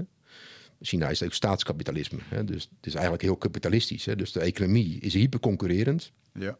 En ook samenwerking, maar in de, in de backend. Maar goed, dat is dus een ander apart verhaal. Dus het is heel kapitalistisch wat wij zien. Als je daar rondloopt, hè? Als, nou, als burger of zakenman. Terwijl het op, op, op leidingniveau, op politiek niveau, is het communistisch. Ja. Althans, ja, niet hè, op de manier zoals, nou, laten we zeggen, Lenin en uh, alles maar op. Eh, of Marx, maar daar zitten, we ook, daar zitten ook weer aanpassingen in. Hè. Maar, maar bepaalde e- elementen van communisme zijn nog steeds belangrijk in China. Ja, dat klopt. Dus de vraag is even, hoe gaan wij ons kapitalistisch systeem hervor- vor- hervormen? Nou, dan kan je denken in de lijn van eh, nou, Matsukato of eh Raworf. Hè, hoe zorgen we ervoor dat de economie inclusiever wordt? Hè? Sociaal, maar ook ecologisch qua natuur. En dat staat ook in dit boek. Ik kan het wel even voorlezen. Of, nou, Mhm. Ja, het laatste pak- pak uit stukje is wel grappig. Eh, wacht even hoor. Ja, Het voelt heel slecht voor mij dat we dit boek eh, aan het quoten zijn. ja ik moet ik- even erbij pakken. Ben ik mee in gevecht. Oh ja. Ik lees het even kort voor. Dus het laatste eh, paragraaf of stukje alinea van het boek The Great Reset hè, van het World Economic Forum van Klaus Schwab, WEF. Davos. We are now at a crossroads. One path will take us to a better, fu- better future and world, more inclusive, more equitable and more respectful of modern nature. Nou, dat is natuurlijk heel erg in lijn met onze ervaringen, ook met jouw boek. The other will take us to a world where that resembles the one we just left behind, but worse and constantly dogged by nasty surprises, hè, black swans, white swan events. Dan denk ik aan klimaat, biodiversiteit, eh, nou, misschien oorlog of nieuwe pandemieën. We must therefore get it right. The looming challenges could be more consequential than we have until now chosen to imagine. But our capacity to reset could also be greater than we have previously, previously dared to hope. Nou, dus even sim- simpel gezegd. De corona is een kans om die grote reset van kapitalisme, democratie, overheid, onze instituten, maar ook onszelf, onze organisaties, onze bedrijven, onze multinationals. Ja, dat dat echt anders gaat worden. En ik, ik ben daar optimistisch over, want ik zie dus, nou ja, eh, al die conferenties die ik online volg. hè, dus eh, Financial Times, noem maar op, of nou, al die dingen, MIT. Eh, is, het, is, die, is die shift nu echt in gang gezet? Hè? Bedrijven, multinationals, instituten, die, ook waar ik zelf mee praat, van ja, ESG, dus, eh, dus environmentalism, social and governance, ja, dat is gewoon topprioriteit nu bij, bij bestuurders. eh, Ja. Meer dan ooit. Dus het, het gaat naar deze visie toe. Ja. En dat, dat geeft mij hoop. Ja. Misschien ben ik naïef, maar eh, ja, ik, ik word daar toch wel blij van. Ja. Ja, ik kan er niet over uit dat dan, weet je, bij mij is dan komt er zo'n pandemie en deze man die brengt een maand later een boek uit. Dan denk ik, ja, voor mij voelt dit zo georchestreerd. En Het zou kunnen. Ik, eh, ik, heb die, ik heb die bronnen niet. Het zou kunnen. Ik sluit het niet uit. Ik, ja, kijk, weet je, laten we even inzoomen. Ik weet al van pandemieën sinds 2010. Dat was ik bij Singularity University, weet je wel, bij de, de- in eh, Silicon Valley. Met al die nieuwe technologieën. Er werden ook pandemieën besproken. Hè? En dat vond ik wel echt wauw. Ik wist natuurlijk al iets van, maar dan, dan komt die echt binnen, zeg maar, oké. En de impact daarvan. Hadden we een workshop met eh, mensen van de CIA en FBI. Die dat orchestreerden. Hè? Dus eh, een klein clubje, nou, teams van eh, zeven, acht mensen. En dat was een workshop van twee uur van nou, hoe ga je nou met een pandemie om en bioterrorisme. Dus dat is wel heel interessant. En dan zie je dus van oké, ja, eh, dit, dit is reëel. En ja, dan vervolgens, na vijf jaar later, fast forward, Bill Gates op TED gaf ook een waarschuwing van jongens, dit komt eraan. En ja, we moeten nu aan de bak. Nou, niemand luisterde, net zoals bij die workshop bij Singularity University. En vervolgens komt die pandemie ineens, hè, dit jaar. Terwijl die pandemieën waren daarvoor ook al, alleen in Azië hè, of in Afrika. Ja, dus dat was al heel reëel. Dus ja, is het georchestreerd? Nee. Eh, ja, ik denk van niet. Het is gewoon logisch nadenken. Wij, wij, wij nou, denk aan jouw boek ook, en ook mijn boek. Wij gaan steeds meer de ruimte van de natuur binnendringen.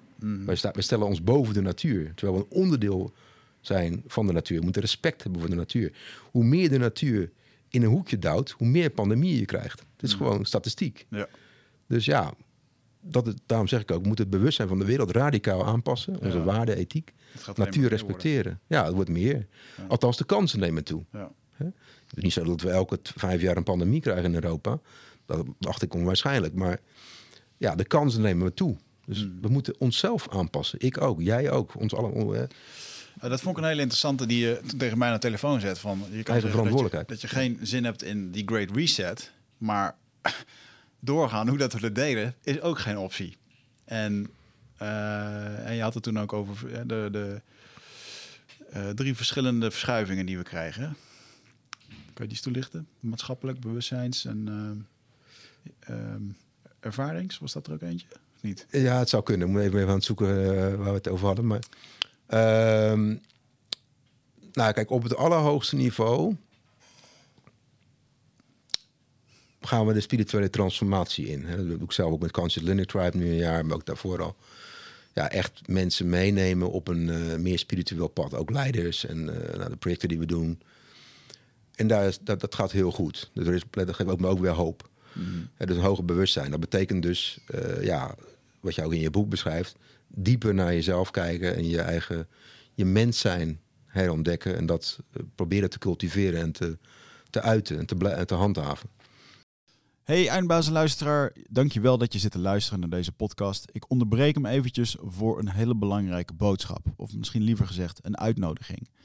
Want op 24, 25 en 26 mei dan is er weer een nieuwe editie van Rite of Passage. Dat is mijn retreat voor persoonlijke ontwikkeling.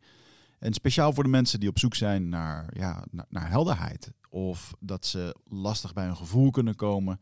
Dat ze moeilijke beslissingen moeten maken. En dat ze zo ontzettend in hun hoofd zitten ja, dat ze er eigenlijk gewoon niet meer goed uitkomen. Of dat ze misschien al heel lang in een, ja, een soort van oud gevoel zitten. Dat ze dat gevoel willen transformeren. Of misschien wil je gewoon een oud stuk achter je laten. Ergens een punt achter zetten. En ja, zoek je misschien heling op iets wat, wat je te lang hebt weggeduwd of, of hebt vermeden. Ja, daarvoor wil ik je uitnodigen op 24, 25 en 26 mei om in een retreat mee te doen waar de inhoud van het programma geheim is. Waar de belofte is dat het oncomfortabel wordt. Want jij begrijpt als geen ander dat als je die volgende stap wilt maken, ja, dan zul je uit de comfortzone moeten komen. En ik garandeer je, laat mij dat proces begeleiden met jou voor drie dagen. En je leven zal daarna nooit meer hetzelfde zijn. Eh, Gemiddeld beoordelen de deelnemers het met een 9,2. En daar ben ik ontzettend trots op. Er is ook een money back guarantee. Heb je de drie dagen vol, volbracht en vind je het niks, krijg je gewoon je geld terug. Dus het enige risico wat er is, is dat je gelukkiger kan worden. Ik zie je Bride of Passage. Ga naar wichertmeerman.nl en klik op Retreat. Dat is stap 1. Hè, dus heel concreet. Wij zijn geen ego, we zijn geen mind, we zijn geen hersenen, we zijn geen eh, ego. We zijn hier eh, als, als onderdeel van de hele evolutie met voorouders en eh, dus, dus het respect naar voorouders in de toekomst, de toekomstige generaties. Wat zeggen mensen over 10.000 jaar over de beslissingen die jij en ik nu nemen en de leiders? Dat is even and- anders omdenken. Dus nou, dat, dat besef, dat noem ik dan bewustzijn, dat, wordt, ja, dat is de basis van alles. En dan tweede is de ecologische crisis. Nou, dus de klimaatcrisis, de biodiversiteit. Het derde is de sociale crisis. Dus te- veel ongelijkheid moeten we ook aanpakken. En op al die niveaus zijn er oplossingen. Dus dat geeft me heel veel hoop. En ik doe een kleine bijdrage daarmee, daarin. En het laatste is, ja, is de crisis van, eh, nou ja, je moet ervaringen, maar vooral de crisis van waarheid. Wat is waarheid? Dus truth. En eh, nou, dat is natuurlijk nu eh, staat ter discussie door fake news, door social media, andere zaken. Er komt ook veel oud, oud, oude geheimen komen los hè, door internet. Hè, dus de evil in the world zeg maar, wordt exposed hè, op alle fronten. Eh komende tien jaar ook. Dus dat, dat is goed. Daar moeten we doorheen met z'n allen. Een soort cleansing. Hè. Denk aan jouw jungle verhaal en ook mijn eigen ervaring. We moeten een, eh, een fase in van ancestral healing. Dat noem ik dat. Dus de- denk aan eh, nou ja, Man- Mandela, hè, wat natuurlijk fenomenaal was, wat hoe hij het aangepakt heeft in het begin. Dat de reconciliation, hè, de verzoening, dat moet nu op wereldwijd niveau gaan plaatsvinden. Nou, dat, dat, nog uren over praten als je wil, maar dat is stap één. Ja, en dan kom je ook op een ander waarheidsbegrip. Wat is waarheid? Nou, waarheid is vaak wijsheid. We leven in een, in een wereld van data. En data is een vorm van wa- waarheid, ja. Maar soms ook een vorm van onwaarheid. Hè? Hoe je statistiek zeg maar invult, kun je ook een hoop eh, leugens verkopen. Dus nou, eh, door de selectie en de, allemaal manipulaties. Dus data ja, waarheid ja, feiten ja, statistiek ja, maar vooral meer wijsheid. Dat is de menskant. De eerste is meer technologiekant. De tweede is meer de menskant. En dat, dat ontbreekt nu.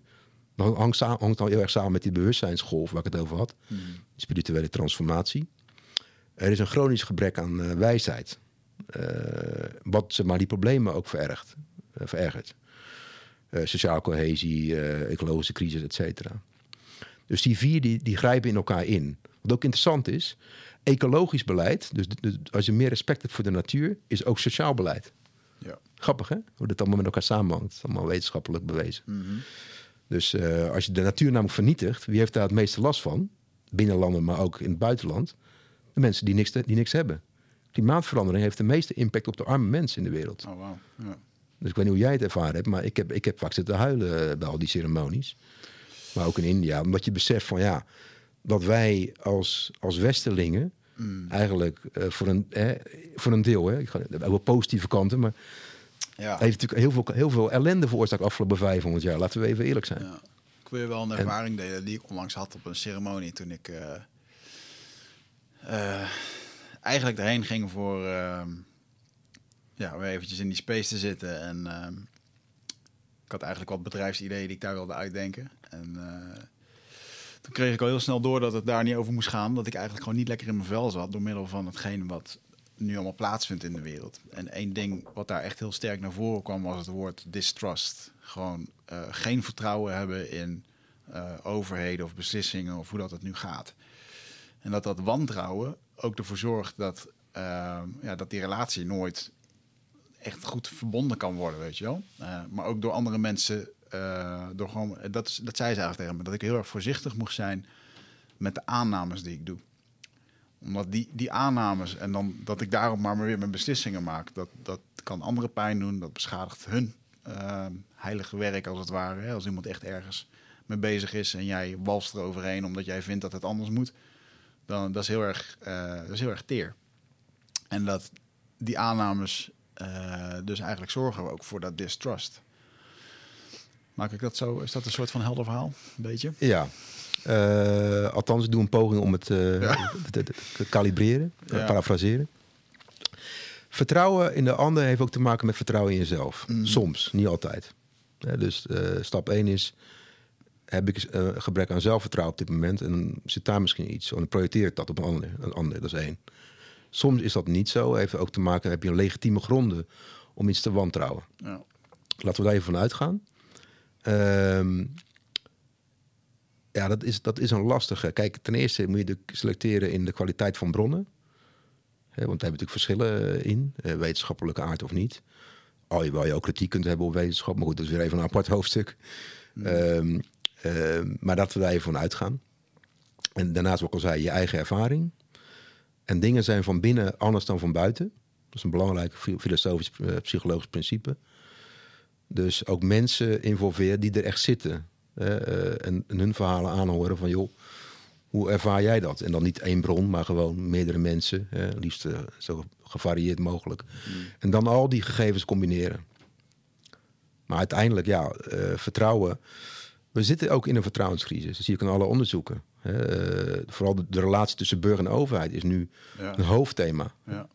dat zei ook Nassim Taleb eh, gisteren in een, een conferentie. Maar, ehm, maar er is ook een vertrouwen hè, van burger naar media, van burger naar bedrijven, multinationals, onderling ook. Eh, hè, dus nou, denk aan Black Lives Matter, ga ze maar door, Me Too. Dus we zitten echt in een systeemtransformatie. Hè, dat, we- dat- en dan praat je op alle niveaus. Dus de economische crisis, ecologische crisis, sociaal-cultureel, politiek, eh, op alle niveaus, technologisch. En al die crisissen die grijpen op elkaar in. Dat leidt tot een, ja, een groot, groot wantrouwen. Een grote angst, laat ik het zo zeggen. Je Leven is of liefde of angst. Nou, we leven nu in een tijdperk van angst. Eh, en dat heeft te maken met die, die omwenteling van het hele systeem. Wat 150 jaar geleden voor het laatst was, 1850. Daar gaat een nieuw boek ook veel over. Hè. Wat zijn dan de parallellen? Nou, die zijn echt eng. Dat is eigenlijk vrijwel hetzelfde. Alleen nu is het veel heftiger. Want ja, die technologieën zijn exponentieel, niet lineair. Het is veel impactvoller. Ja. En we zitten nu op wereldwijd niveau. En we hebben minder tijd om die transformatie te begeleiden de komende 20 jaar. En je krijgt het ook In plaats van heel 50 mee. Ja, ja. Dus het wordt, het wordt gewoon heftig. Kijk, ik voorspel de komende vijf jaar sowieso hele rare dingen. Daarna wordt het beter, in 2025. In mijn, ook in, mijn, in mijn netwerk zeggen we dat ook. Maar we gaan eerst door een diepe dal en dan, dan gaan we meer licht zien. Eh, en ja, ten aanzien van wantrouwen, ja. Dus een deel heb je daar eh, een punt. Je moet er ook niet in doorslaan, dat wantrouwen. Dan kom je namelijk in eh, ja, paranoïde verhalen. Ik, zal, ik zal je nog een, Of complotverhalen. Het kleine gevolg wat daarop kwam was dat ik op een gegeven moment heel erg het gevoel kreeg dat me van alles wordt opgedrongen. Hè, straks, al is het de vaccinatiepaspoort of mijn vrijheid die nu af wordt gepakt. En dat ik toen in één keer een. Ik had het erover met een vriendin van mij die erbij was. En die zei, joh, wat is er? Dus ik legde het even uit tussendoor. En eh, ik zeg, voel me gewoon heel erg gevangen. En toen zei ze tegen mij, maar je bent gewoon vrij, hè? Je bent niet gevangen. En dat was het moment, als je het dan hebt over, oké, eventjes de cleansing van het huilen, dat ik toen echt brak en dat er een soort van energie aan ketens bij me gewoon losrukte. Zo van, ah man, ik zit mezelf ook gewoon helemaal erin te praten in dit verhaal. Ik voel me niet vrij, omdat er een, een of ander collectief ding al honderden jaren soort van hangt. Ja.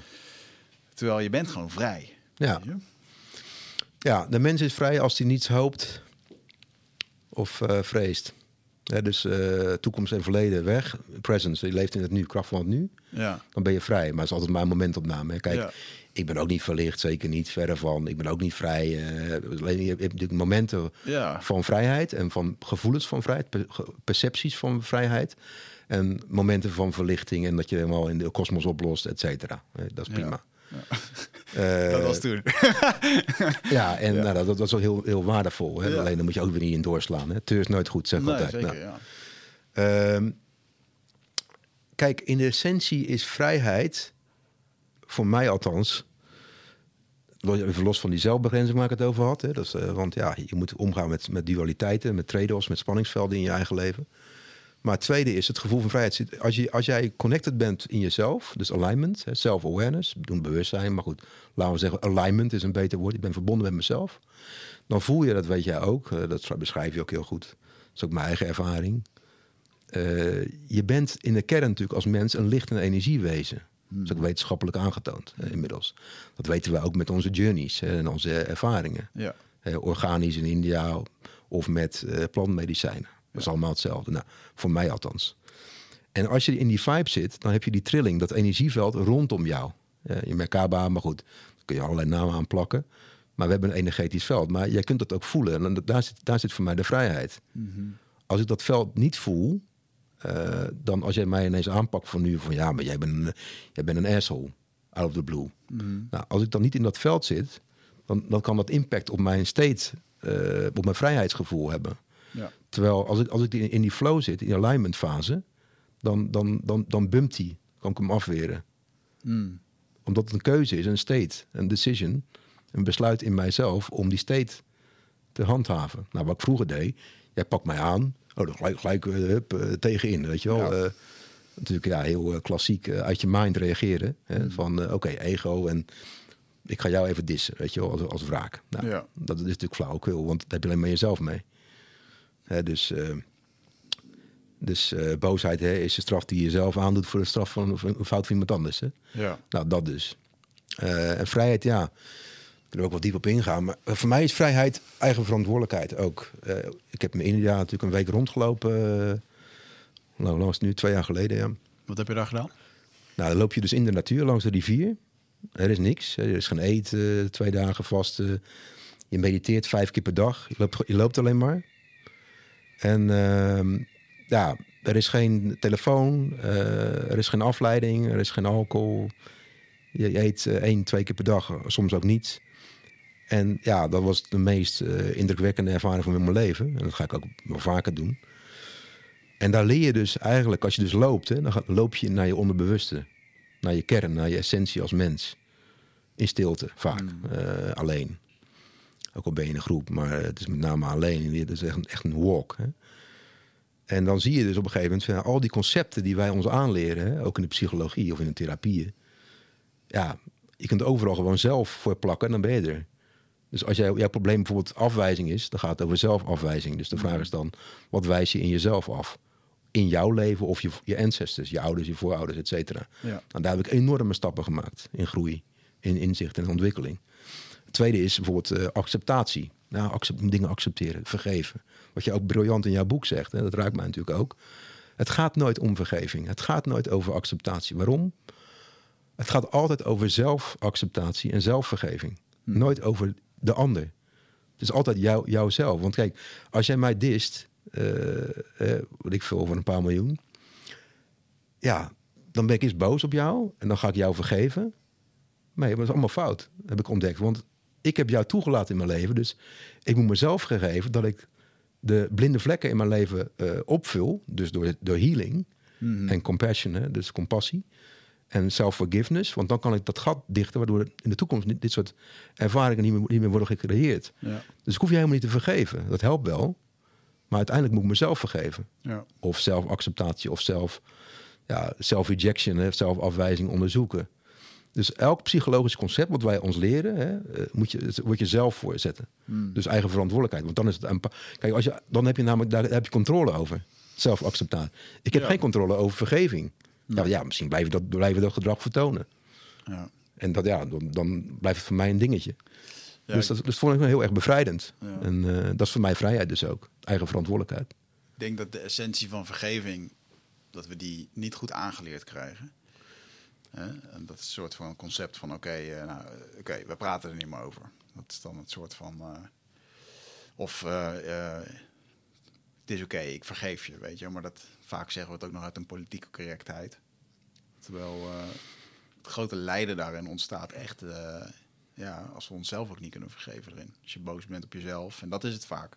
Ja, Exact. dat En is het gewoon, ja. daar heb ik ook een flinke journey in meegemaakt de afgelopen jaren. Omdat, eh ja, self-forgiveness. Ik kwam, wel grappig, ik kwam Marshall eh, Goldsmith tegen, een jaar of drie, vier. Ken ik niet. Hij is, nou, hij is dus eh, volgens nou, wat lijstjes dan nummer één managementcoach eh of CEO-coach ter wereld. Nou, die gaf een lezing, ik ook een lezing. Nou, en op een gegeven moment kwam, kwam ik met hem in gesprek na afloop. Zeg van, joh, ik zit ergens mee. Nou, dus, ik- dus ik leg de situatie uit. Zegt hij, echt ja, briljant, woord. Self-forgiveness. En toen liep hij weg. Nou, en toen dacht ik, ja, we andere afspraken en dingen. Toen dacht ik van, oké, ja, moet ik hier nou mee? Weet je wel, eh, ja, misschien ken, ken je dat wel, van ja, ook bij, die, bij je eigen journey. Maar dat is natuurlijk een briljante aanpak. Want hij wist van, nou, hij, hij, is wel, hij, hij is ermee bezig. Laat mij versudderen, dat concept. Ja, mooi. En dan ga je dat mediteren en dan komt hij. Hè, Of, of naar een ceremonie of tijdens een walk, hè, nature walk noem ik dat. En dan komt hij echt binnen van, ja, verdomd. Mm. Ik, ik zit gewoon vast, omdat ik mezelf niet vergeven heb. En dan blijf ik gewoon in een soort, ja, hè, dat, dat slachtofferrol, hè, die ander, dat vergeven. Of die boosheid. En Ja. dat is het gewoon niet. Ik blijf dit herhalen totdat ik mezelf vergeven heb en mijn eigen blinde vlekken ga healen in mezelf, in mijn ziel, mijn emotie, mijn lichaam. Ja. En, en in mijn beliefs, ook mijn mind, maar vooral je lichaam, je ziel. Mm. En dat is natuurlijk wel een ding waar, ik ben het met jou wel eens, ook met je boek, van ja, vergeving klinkt makkelijk. En die journey in jezelf, maar ja, dat is, het, is, het, is, het is ook hardcore, weet je. bedoel, Je gaat wel door het stof.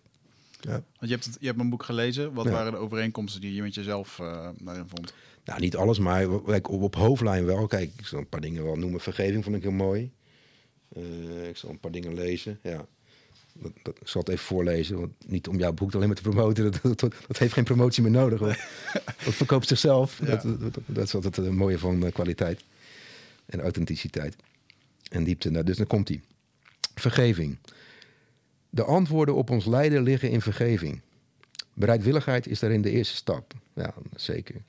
Kijk helder naar wat er gebeurd is. Ja, dus echt eh, uitzoomen, even los van je ego en je slachtofferrol. Weet dat men altijd een beslissing neemt die op dat moment de juiste lijkt. Ja, dat is inderdaad, eh, dat helpt ook. hè. Ik heb een compassiemeditatie gedaan. Waarbij ik dus echt vanuit de ander dit kon voelen op celniveau. Ja. Dat het maakt, ook maakt het makkelijker om het los te laten en te vergeven. En eh, ja, even los van je ego te komen. Het is nooit persoonlijk. Dat is ook vaak zo. Hè. Eh, we maken het persoonlijk. Om de ander te kunnen vergeven, zal je eerst jezelf moeten vergeven. Kijk, nou ja, spot on. Eh, maar ook op een dieper niveau, wat ik juist al zei. En het proces van vergeving is niet afdwingbaar. Je voelt het als de tijd daar is. Ook zeer mee eens. Ik heb er jaren over gedaan. Geef het tijd. Niet alles wat gebroken is, hoeft hersteld te worden. zoals het was. Ja, nou, mooi. Ja, dit, dit ruikt me, ja, dit is gewoon, uh, dit ruikt me gewoon. Dat is gewoon top. Wat ik een hele mooie in dat hoofdstuk vond, is dat ik op een gegeven moment, uh, als we het dan hebben over de futuristische dingen, dat we hebben over algoritmes, dat men tot beslissingen komt met, het, met een bepaald algoritme dat gewoon bestaat uit je angsten, je emoties, je IQ, je, je omgeving. En dat alles bij elkaar zorgt ervoor dat jij op dat ene moment een beslissing maakt die je voor de rest van je leven achtervolgt in sommige gevallen. Of, eh, of die tijdelijk iets kapot maakt. Of, ja, dat is wel echt een hele. Enerzijds kan je jezelf daarmee een soort van ontslaan van wat je hebt gedaan. Um, anderzijds kan het je heel veel compassie geven voor anderen. Voor wat ze, waarom ze bepaalde dingen doen. Als iemand in die koker zit, dan, uh, dan kan die daar niet zomaar uit. Ja, ja, dat. Dus besef, vergeving, inzicht, uh, empathie. Uh, maar ook... Uh, ja, je, wilt toch ook weer de, de verbinding... Uiteindelijk moet je naar de verbinding. Kijk, iemand die de weg kwijt is... en ik zelf ook natuurlijk af en toe... dan wil je, dan wil je met liefde... kan, je dat, kan je dat goed aanpakken. Niet met oordelen of darkness, weet je wel. Mm. Dus, of, of angst of ja, vooral oordelen, dat, dat is het gewoon niet. Weet je wel, en natuurlijk maakt die fout ook af en toe dat mensen. Uh, ik ging laatst naar Ibiza en ik kan me oordelen van dat kan niet. Weet je wel, een maand geleden, maar ja, ik moest voor een, voor een business deal van ja, grote omvang en alle andere, andere, andere argumenten. En dan wil je geen bak stront over je heen. Nou, oké. Okay. Ja, dan, dan, reageer ik soms ook weer op me, uit mijn ego van, wow, weet je wel. Ja. maar ja, dat is, ja, ik moet gewoon laten. Gewoon, mm, mm, mm. oké. Uh, je noemt net ancestral healing, hè, dat je dat nu meeneemt in je, uh, ja. uh, in je, in je plannen of in de dingen die eigenlijk in het werk wat je uitdraagt. Ja. Um, ja. Ik had onlangs een, een ayahuasca-ceremonie die mij mijn methode gaf voor hoe dat ik werk. De eerste is zelfkennis, dat is het boek. De tweede is voorouderlijke wijsheid, ancestral wisdom. Ja. En de derde is high performance. En dat is het stukje manifestatie. En, dat, en, en die eerste, dat laatste kan alleen met die eerste twee. Uh, hoe, neem, hoe, neem jij, hoe neem jij ancestral healing mee uh, bij uh, nu, waar, bij de bedrijven waar je loopt, of politici waarmee je werkt, of in de projecten die je nu uitdraagt? Nou, en mooi is Rotterdam. een, een roadmap voor Rotterdam en omgeving. de komende 30 jaar met een aantal pilotprojecten. En daar wil ik dus dat uh, ja, echt meenemen, hè, impliciet of expliciet. Dus nog even afwachten, want ja, het Maya-principe, most advanced yet acceptable. Je moet dingen integreren die uh, op het randje zijn, maar die nog wel acceptabel zijn hè, voor de, de, cultuur of de stad en de mensen, et cetera. Mm. Uh, maar dit is sowieso de toekomst. Kijk, alles wat wij, wat wij doen, uh, Learning Tribe, is dit gewoon basis. Let, letterlijk is een onderdeel van ons manifesto al een jaar. Dus uh, natuurlijk maak je af en toe een fout, maar we proberen dat wel echt strak te handhaven, die waarden, de manifesto. Dus ancestral healing, uh, ancient wisdom, oude wat je zegt. Want de essentie daarvan is, nou ja, één, meer naar binnen toe gaan. Hè, bidden, mediteren, mm. drie keer per dag. Nou, inka's, zelf, nou, ook natuurlijk allemaal ervaringen gehad, jij.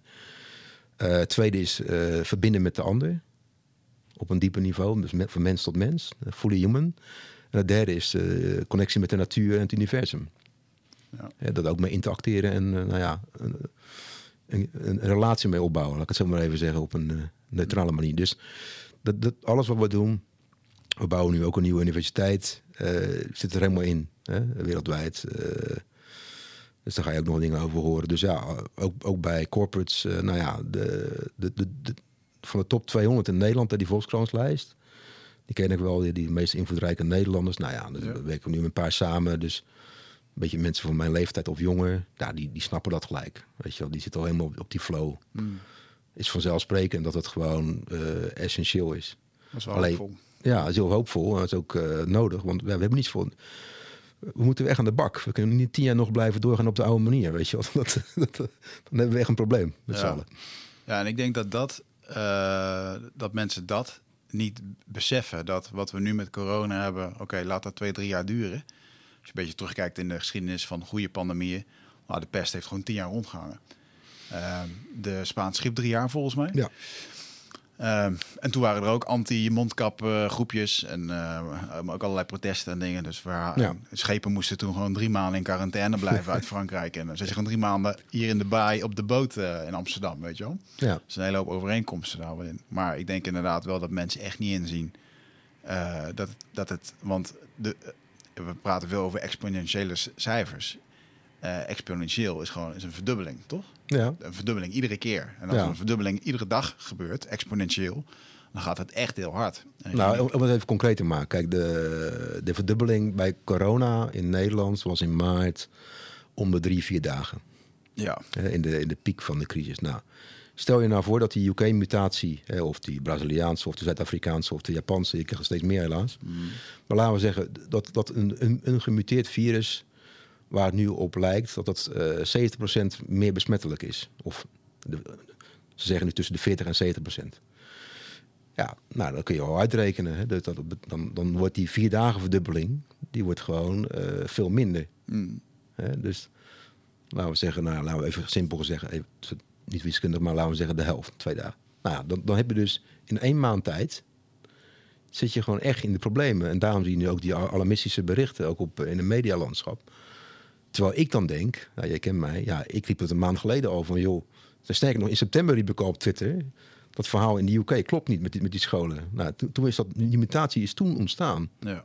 beseffen we nu ons achteraf. Maar in december hebben zij ik over, toen was het bekend, hè, die UK-imitatie.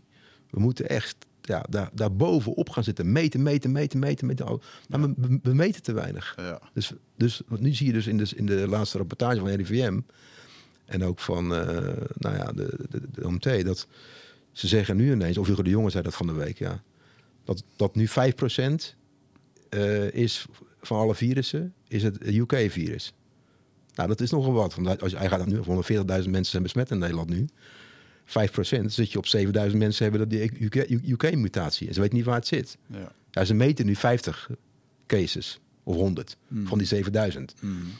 Ja, dan, dan, dan, dan denk ik, kijk, ik ben, ik ben een exponentieel denker. Dan is het gewoon te ver heen, ja. in mijn conclusie. Waarschijnlijk, helaas. Dan ga je dus de komende maand naar een hele eh, nare film toe. Ja. Tenzij je dus nu radicaal op zijn bij wijze van spreken, eh, ja, eh, op de rem gaat trappen met z'n allen. En eh, ja, ik baal er ook van. Ik hoor de horeca-verhalen al. Ik ben zelf ook ondernemer. Dus ja, het is, het is heavy. Ja. Ja, jij hoeft ook niet meer te spreken deze tijden. nee. Jij sprak ook al veel. Ja, nee, ik hoef al een jaartje weinig te spelen. Af en toe nog wel online, maar nee, ik doe met name consulting en dat bevalt me goed dus. En coaching. Maar het is bizar wat... eh, ja, de, de, de pijn die wordt gevoeld... en dat zei je toen ook al mooi aan de telefoon... de pijn die nu wordt gevoeld... die heeft onze generatie gewoon niet meegemaakt. Klopt. Eh, ik sterker nog, ik denk dat mijn moeders generatie... die nog niet eens heeft meegemaakt... want die is net na de oorlog geboren... ja. En ehm, we komen nu wel echt in een soort van collectieve massa-hypnose... die, eh, omdat er zoiets groots gebeurt aan ons brein... dat ook helemaal niet goed aan kan. Dat er een soort van... Ja. Dat, daar zitten we eh, heel veel in. Ik zie wel een, een generationeel verschil. Dus over de, eh, tussen de generaties, ook in Nederland, maar ook daarbuiten. Laten we zeggen, ehm, nou ja, babyboomers, eh, mijn ouders, ja, die hebben wel het een en ander meegemaakt, maar niet, niet zo ernstig als dit. Dat zeggen ze zelf ook. Hè. Dus na, na de tweede, dit is de grootste crisis na de Tweede Wereldoorlog. eh, wereldwijd. Daar zijn we het wel over eens. Maar het is wel een verschil met hoe generaties omgaan met tegenslagen. En dat bij het antifragiliteitsprincipe van Nassim Taleb. Dus hoe, hoe veerkrachtig ben je? Nou, de millennials over het algemeen, hè, ik chargeer nou even, maar ook eh, Gen Z, maar vooral millennial denk ik, zijn iets te veel overbeschermd, eh gepamperd. Dus dan, eh, maar ook op hygiënisch niveau, hè, dus eh, alles schoon en puur. Nou, ja, dus als je weinig stressoren in je leven hebt ingebakken, van jongs af aan, dus van 0 tot, laten we zeggen, 30 of 40. Ja, en ineens krijg je zo'n klap. Dat, dat heeft op alle niveaus impact. Ja. Je bent zeg maar niet, je bent fragiel geworden, kwetsbaar geworden, omdat je niet daarvoor al klappen hebt gehad. Nou, eh, ik heb in mijn jeugd wel klappen gehad. Eh, niet grote dingen, maar wel tikken. En eh, dat gaat voor veel mensen, denk ik, in mijn generatie. Want je leefde op straat, hè, bij wijze van letterlijk. Nou, Ja. Dus daar word je antifragiel van, word je veerkrachtig van. Ja. Ehm, dus ja, ik denk dat dat ook wel een rol speelt. Hè, de- de- dus ja, dat, dat dit dan helemaal heftig overkomt bij millennials. En dat zien we ook in de cijfers. Hè? Mentale ja, gezondheidsziektes zijn verdubbeld tot verviervoudigd. Ja. Met name bij jongeren. Ja. Eh, oudere generaties ook, maar minder, exponentieel, minder heftig. En dat heeft te maken met die weerstand. Enerzijds door de leeftijd zelf. Ja, natuurlijk, wij zijn, ik ben wat ouder, dus dan kun je wat meer klappen incasseren. Maar het heeft ook te maken met die veerkracht die je tussen 0 en 20 jaar opdoet. Ja. Als je alleen maar overbeschermd wordt, ja, niet meer op straat mag spelen en ja, feedbackloops ervaart in je leven, fysiek, hè, gewoon, Ja.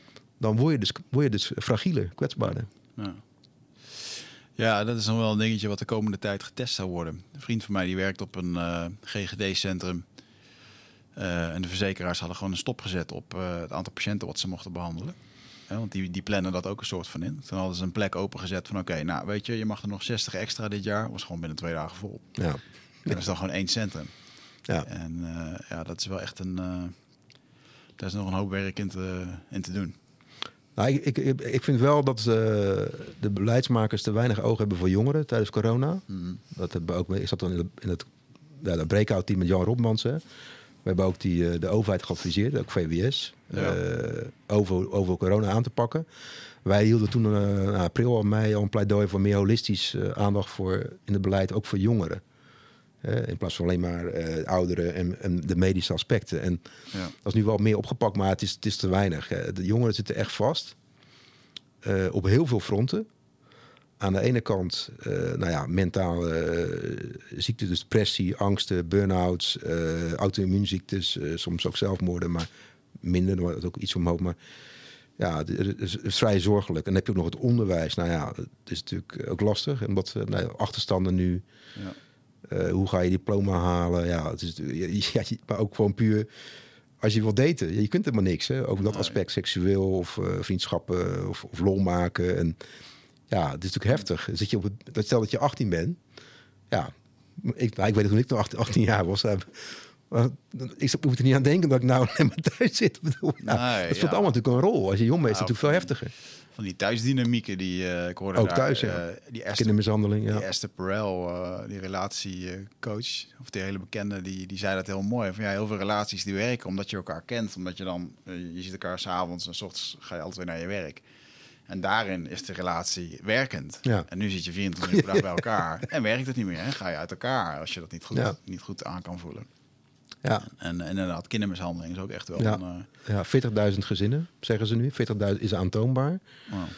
Eh, ik denk dat het nog iets meer is, maar het is, ja, het is vrij heftig. Dus in die zin ja, moeten, we die, moeten we het basisonderwijs weer, of het onderwijs sneller open. Maar ja, het is, Ja. het is zo'n lastig probleem. Het is ongelooflijk complex. Er komt zoveel bij kijken. Ja, ja, en dan heb je nog de emotionele mishandeling Ja. die kinderen ervaren doordat papa of mama bijvoorbeeld niet beschikbaar is door dit soort dingen. Of, eh, Ja, je moet, je moet thuiswerken en, bedoel, en dan ook nog thuisonderwijs. En ja, ja, dat vind ik ook lastig soms. ja. ja, jij geeft je kiddo's nu ook eh, Ja, les. ja, ja. Les. Nou, we hebben die zijn een redelijke rolverdeling van dat eh, mijn partner met name eh, dat oppakt. En ik, ik vlieg af en toe bij, weet je wel, met, met, ja, met, met dat onderwijs. Of Exponentiële cijfers, statistieken voor je vierjarige. Nou ja, nou, nou, die- die- die- wat even pragmatisch. Kijk, mijn zoontje is nu, eh, is nu zeven. En, ja. en eh, nou ja, die vindt Schoolar leuk. En dat doen we al jaren. En eh, nou ja, wat nog meer. Je hebt allemaal van die websites op internet, op YouTube. Van hele educatieve kanalen. Dat vinden we leuk. En Oké, leuk. Ja, gewoon wat, wat, wat boekjes uit andere landen om eh, onderwijs te ondersteunen. Uit Singapore, dat, dat helpt ook wel. Ja, Dus ja, ja wat, wat wel gaaf is van corona, vind ik. Kijk, er zitten heel veel nadelen aan. Ik ga het niet goed praten. Maar ook heel veel voordelen. Hm. Ik weet niet hoe jij het zelf ervaren hebt, maar dingen als in reflectie, stuk rust, eh, minder reizen, veel gezonder. eh, zeker. Ja. ja, met je kinderen gewoon veel meer tijd. En ja, met je partner ook, met je vrienden ook gewoon diepere gesprekken. En Ja. Ja, het, het heeft ook wel heel veel voordelen, vind ik. ja, ik mis het sociale aspect heel erg. Maar ehm, ik ben wel, nou laat ik heel zeggen, zonder corona had ik mijn boek waarschijnlijk nu nog niet afgeschreven. Nu nog niet afgeschreven. Dus, Ja.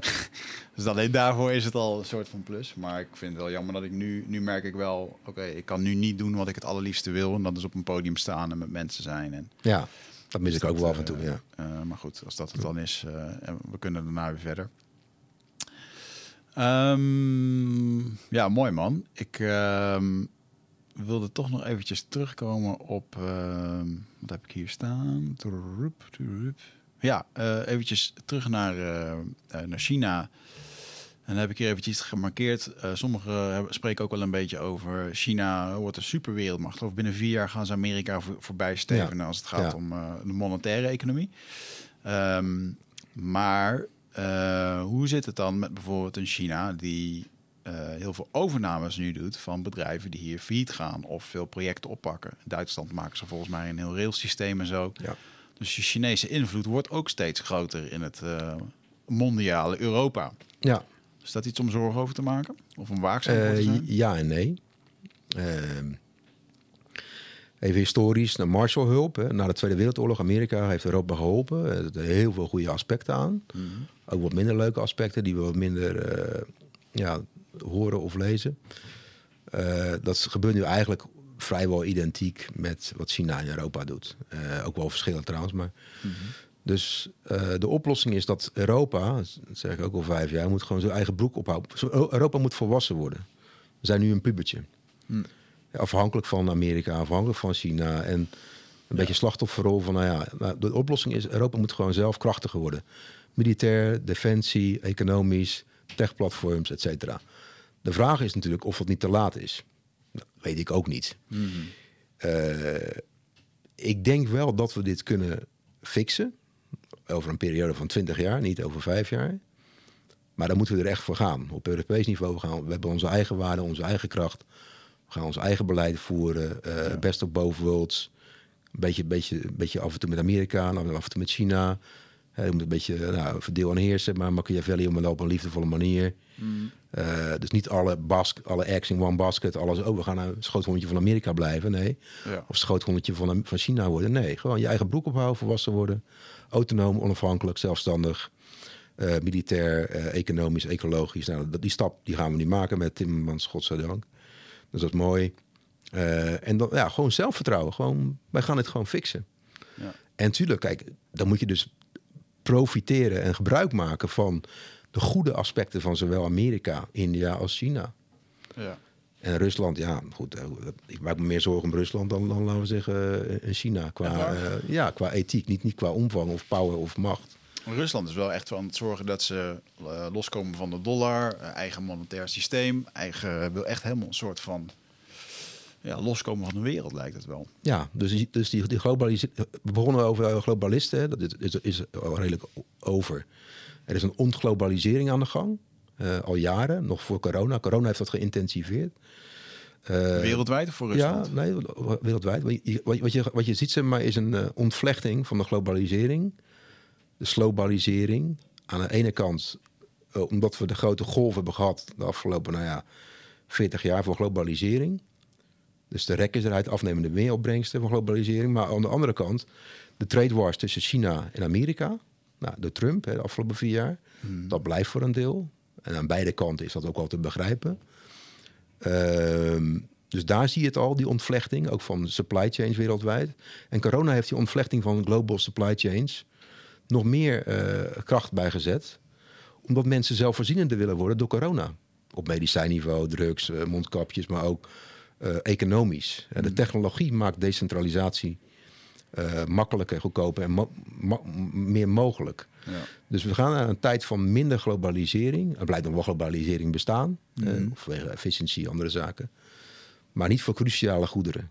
Voor kritieke goederen en diensten. Ah, die, komen, die komen weer terug op continentaal, regionaal of nationaal niveau. Mhm. En dat is een goede zaak. Ehm, dus ja, even lang verhaal kort. Ja, China, uh, er komt een nieuw beleid nu hè, vanuit Europa. Ik denk dat je daar, ja, ik, ook daar geloof ik niet zeg maar, in die verhalen van uh, het ene extreem of het andere. Het is of, of, China is evil of China is goed. Nee, je moet gewoon kijken heel pragmatisch. Van hoe gaan we daar pardon, op inpluggen hè, op de goede kanten van China. Die de, waar, waar, waar, er heel veel van zijn. En hoe, hoe kunnen we de, de, de, risico's minimaliseren? Dat wat je zegt, de overnames, nou, dat wordt al in gang gezet nu. Hè? Dus kritieke sectoren zijn er geen overnames meer mogelijk binnenkort in Europa vanuit China. Oké, dat wordt al geregeld. Ja, ja, ja. ja. Dus, uh, dus dat, dat, zit wel goed. En uh, nou ja, ik, ik vind wel, we mogen ook wel ietsje kritischer zijn over Amerika. Kom bij, bij het Snowden-verhaal en uh, nou goed, andere Edward Snowden. Kijk, Amerika heeft natuurlijk Europa in de tang. Hè, al sinds de Tweede Wereldoorlog. Ja. Eh, Zeker in de afgelopen twintig jaar met al die technologieplatforms. Dus ja, ik vind dat ongezond. Daar wil ik ook wel even een keer eh, wat mensen op attenderen. Van joh, eh, de lobbyisten van Google en eh, eh, Facebook in Europa tot EU-niveau, dat gaat vrij ver. Oh, wauw. Dat, dat Ja, gewoon lobbyisten hier. Ja, ja dat, dat, dat is extreem. Dat gaat veel te ver. Wauw. Dus dat, daarom zeg ik ook, op EU-niveau moet, het, moet je gewoon inhoudelijke, onafhankelijke mensen hebben. En als je, de- ja, als je, als je moreel corrupt, corrupt bent of te veel lobby's om je heen hebt... en lobbyisme moet je überhaupt al eh, aan banden leggen, vind ik, ook eh, juridisch. Ja. Maar ja, je moet het gewoon criminaliseren. Die, die, die onafhankelijkheid van politici is essentieel. Oh, wauw. Ja, daar moeten we veel harder op gaan sturen. Mooi. Dus mijn punt is van we willen kritisch zijn ten aanzien van China. Ja, snap ik. Maar wel symmetrisch. Dus ook naar Amerika. Ja. En daar, die ontvlechting moet nog veel meer worden eh, overwogen, laat ik het zo maar even zeggen. Maar goed, dat, dat, dat, zit historisch gewoon heel erg lastig in elkaar. Het trans, transatlanticisme Ja. Is natuurlijk heel erg sterk. Eh, Ja, ik had het hier met eh, eh, over dit stuk. eh, over de opkoming van de, van de, de big tech bedrijven en eh, de big, of de big data bedrijven die dan hè, bijvoorbeeld nu censuur plegen en al dit soort dingen. En eh, Martijn Aslander die noemde dit eh, de kinderziektes van deze tijd. Jij ziet dat ook zo? Eh, ja, maar wel met hele grote gevolgen.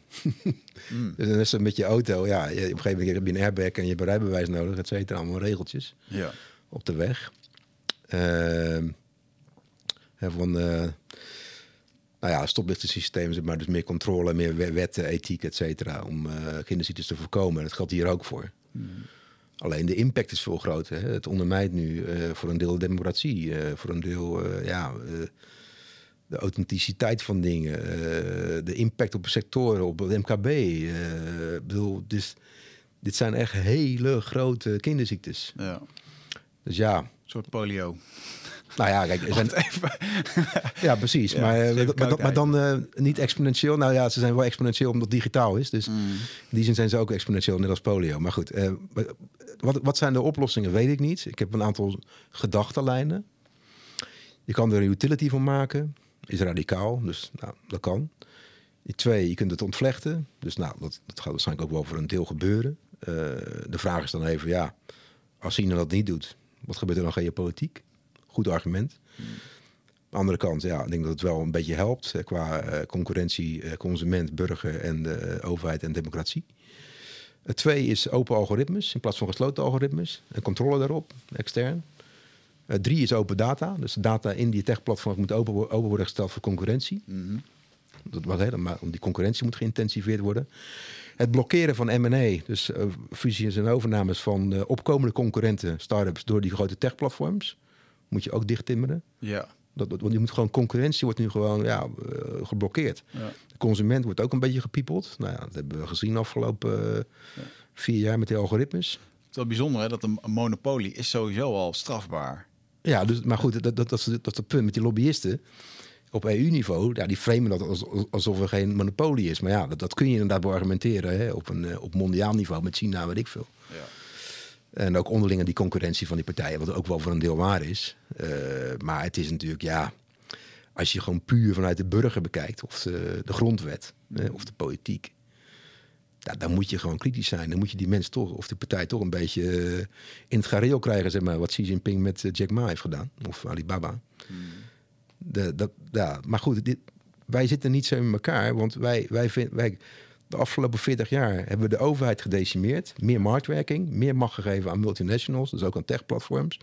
En nu moeten we dat weer in, in het gareel krijgen. Ja, dat is verdomd lastig, maar het moet wel gebeuren. Ja. En heb jij het idee dat dit ook wel gezien wordt? Door de mensen die... Ja en nee. eh, maar ik vind het zorgelijk. eh. kijk, zolang je, zolang je lobby, lobbyisten nog te veel ruimte geeft en dingen nog niet criminaliseert, dan blijft dit eh dooretteren. Ja. Met, in golven. En ik, ik wil dat niet. Ik wil dat gewoon eh, dat het in balans is. Het gaat om. Ik ben niet tegen techplatforms. Integendeel. Het heeft heel veel voordelen ook. Maar ehm, het is uit de hand gelopen op allerlei fronten. En dat moet echt terug in het gareel. En eh, dat gaat ook gebeuren, hoop ik. En hoe sneller, hoe beter. Want kijk, ehm, ik, denk dat, ik denk dat als dit zo doorgaat, dat er heel veel protesten gaan komen. Ja. Ten aanzien van die partijen, maar ook onderling. Maatschappelijk, burger naar overheid. Want die overheid doet dan niks. En Ja. er komt gewoon echt eh, meer urgentie, meer protest. Dus je zou kunnen zeggen dat veel mensen De leegloop nu van nou, Social Dilemma, Netflix. De ook de, de, de leegloop nu van Facebook en eh, WhatsApp naar Signal en Telegram... heb ik nog nooit eerder gezien. Ja, Afgelopen weken. we Dat is bizar. En terecht. Dus in, in die zin is de marktwerking ook wel zelfregulerend, zelfzuiverend. Ja. Omdat ze zo van hun ei- eigen ethiek zijn afgedreven, vind ik. Bepaalde aspecten, die, die, die tech-platforms. eh, zal de markt dit zelf gaan reinigen met nieuwe start-ups die, die, die heel exponentieel gaan groeien. Ja. En hopelijk worden ze niet overgenomen. Dat is natuurlijk de grootste zorg nu. Telegram, zo, Signal, noem maar op. Ja. ja, dan hoop ik echt dat mensen gewoon eh, TikTok, Snapchat. sterk durven te staan voor wat de waarden zijn waarmee ze het hebben opgericht. En, eh, oh ja, en dan is het gevaar hè, dat eh, iedereen heeft een prijs. En eh, dan moet je echt heel sterk in je schoenen staan. Ja, dat zien we ook bij de douane, douaniers in de Rotterdamse haven. hè. Oh ja, dus een paar, ja, paar mooie verhalen over. Beveiligingsbedrijf, Ja. toch? Ja. Nou, je ziet dus dan ook, we hebben het nog niet over gehad, maar wat mij ook wel zorgen baart is, we hebben afgelopen 20 jaar, ik heb ook in detail gaan, maar is de criminaliteit natuurlijk eh, totaal ontspoord in Nederland. Hmm. Eh, dus de, de ondermijning is een groot issue, Eh, groot, zeer onderschat vind ik. Daar zijn we nog niet vanaf. Ze gaan die wel aanpakken, Grappenhuizen en consorten. Maar dat gaat wel 10, 20 jaar duren, het geintje. Het zit, Om, zo- eh, want we nou, het zit heel diep. Het is van de onderwereld in de bovenwereld gekomen. Hè. Dus Ja. ook in de gemeenteraden, douaniers, allerlei HR-functies die dan over de criminelen aannemen. Dat is echt vrij ernstig. Er moet echt een grote schoonmaak komen. Oh, wauw. Ja, dat is heel ernstig. Ja, Dat is echt een- ik dacht dat je even doelde op het, eh, dat er een bedrijf als Securitas... ja klopt. Securitas, Ja, klopt. Maar, ja. dat- maar, maar dit is maar één case. Hè. Ja. Dit is allemaal veel breder. Het, is- het is echt alarmerend. Ja. Dus, eh, maar goed. Ze gaan er nu mee aan de slag met allerlei taskforces en multidisciplinair. En eh, nou ja, daar moet echt heel veel geld naartoe. Ehm, ik wil eens even met hem. Je had het over de komende vijf jaar. Dan zijn er wel een aantal dingen die kunnen gaan gebeuren. En waar, waar denk jij dan aan? aan eh, want je had het ook over nucleaire gevaren of bio-wapenachtige dingen. En Nou, de grootste gevaren zijn heel veel gevaren. Ehm, Het hangt een beetje van de termijn af. Hè. Nou, laten we zeggen, korte termijn. eh, nou ja, zie, ik- zie ik sociaal cohesie als een groot probleem met de ongelijkheid. mm, Ik zie ook als, als een risico, eh, wat, is waar, wat is waarheid? Dus het gebrek aan eh, ja, gedeelde werkelijkheid, ja. vind ik een ding. Ehm,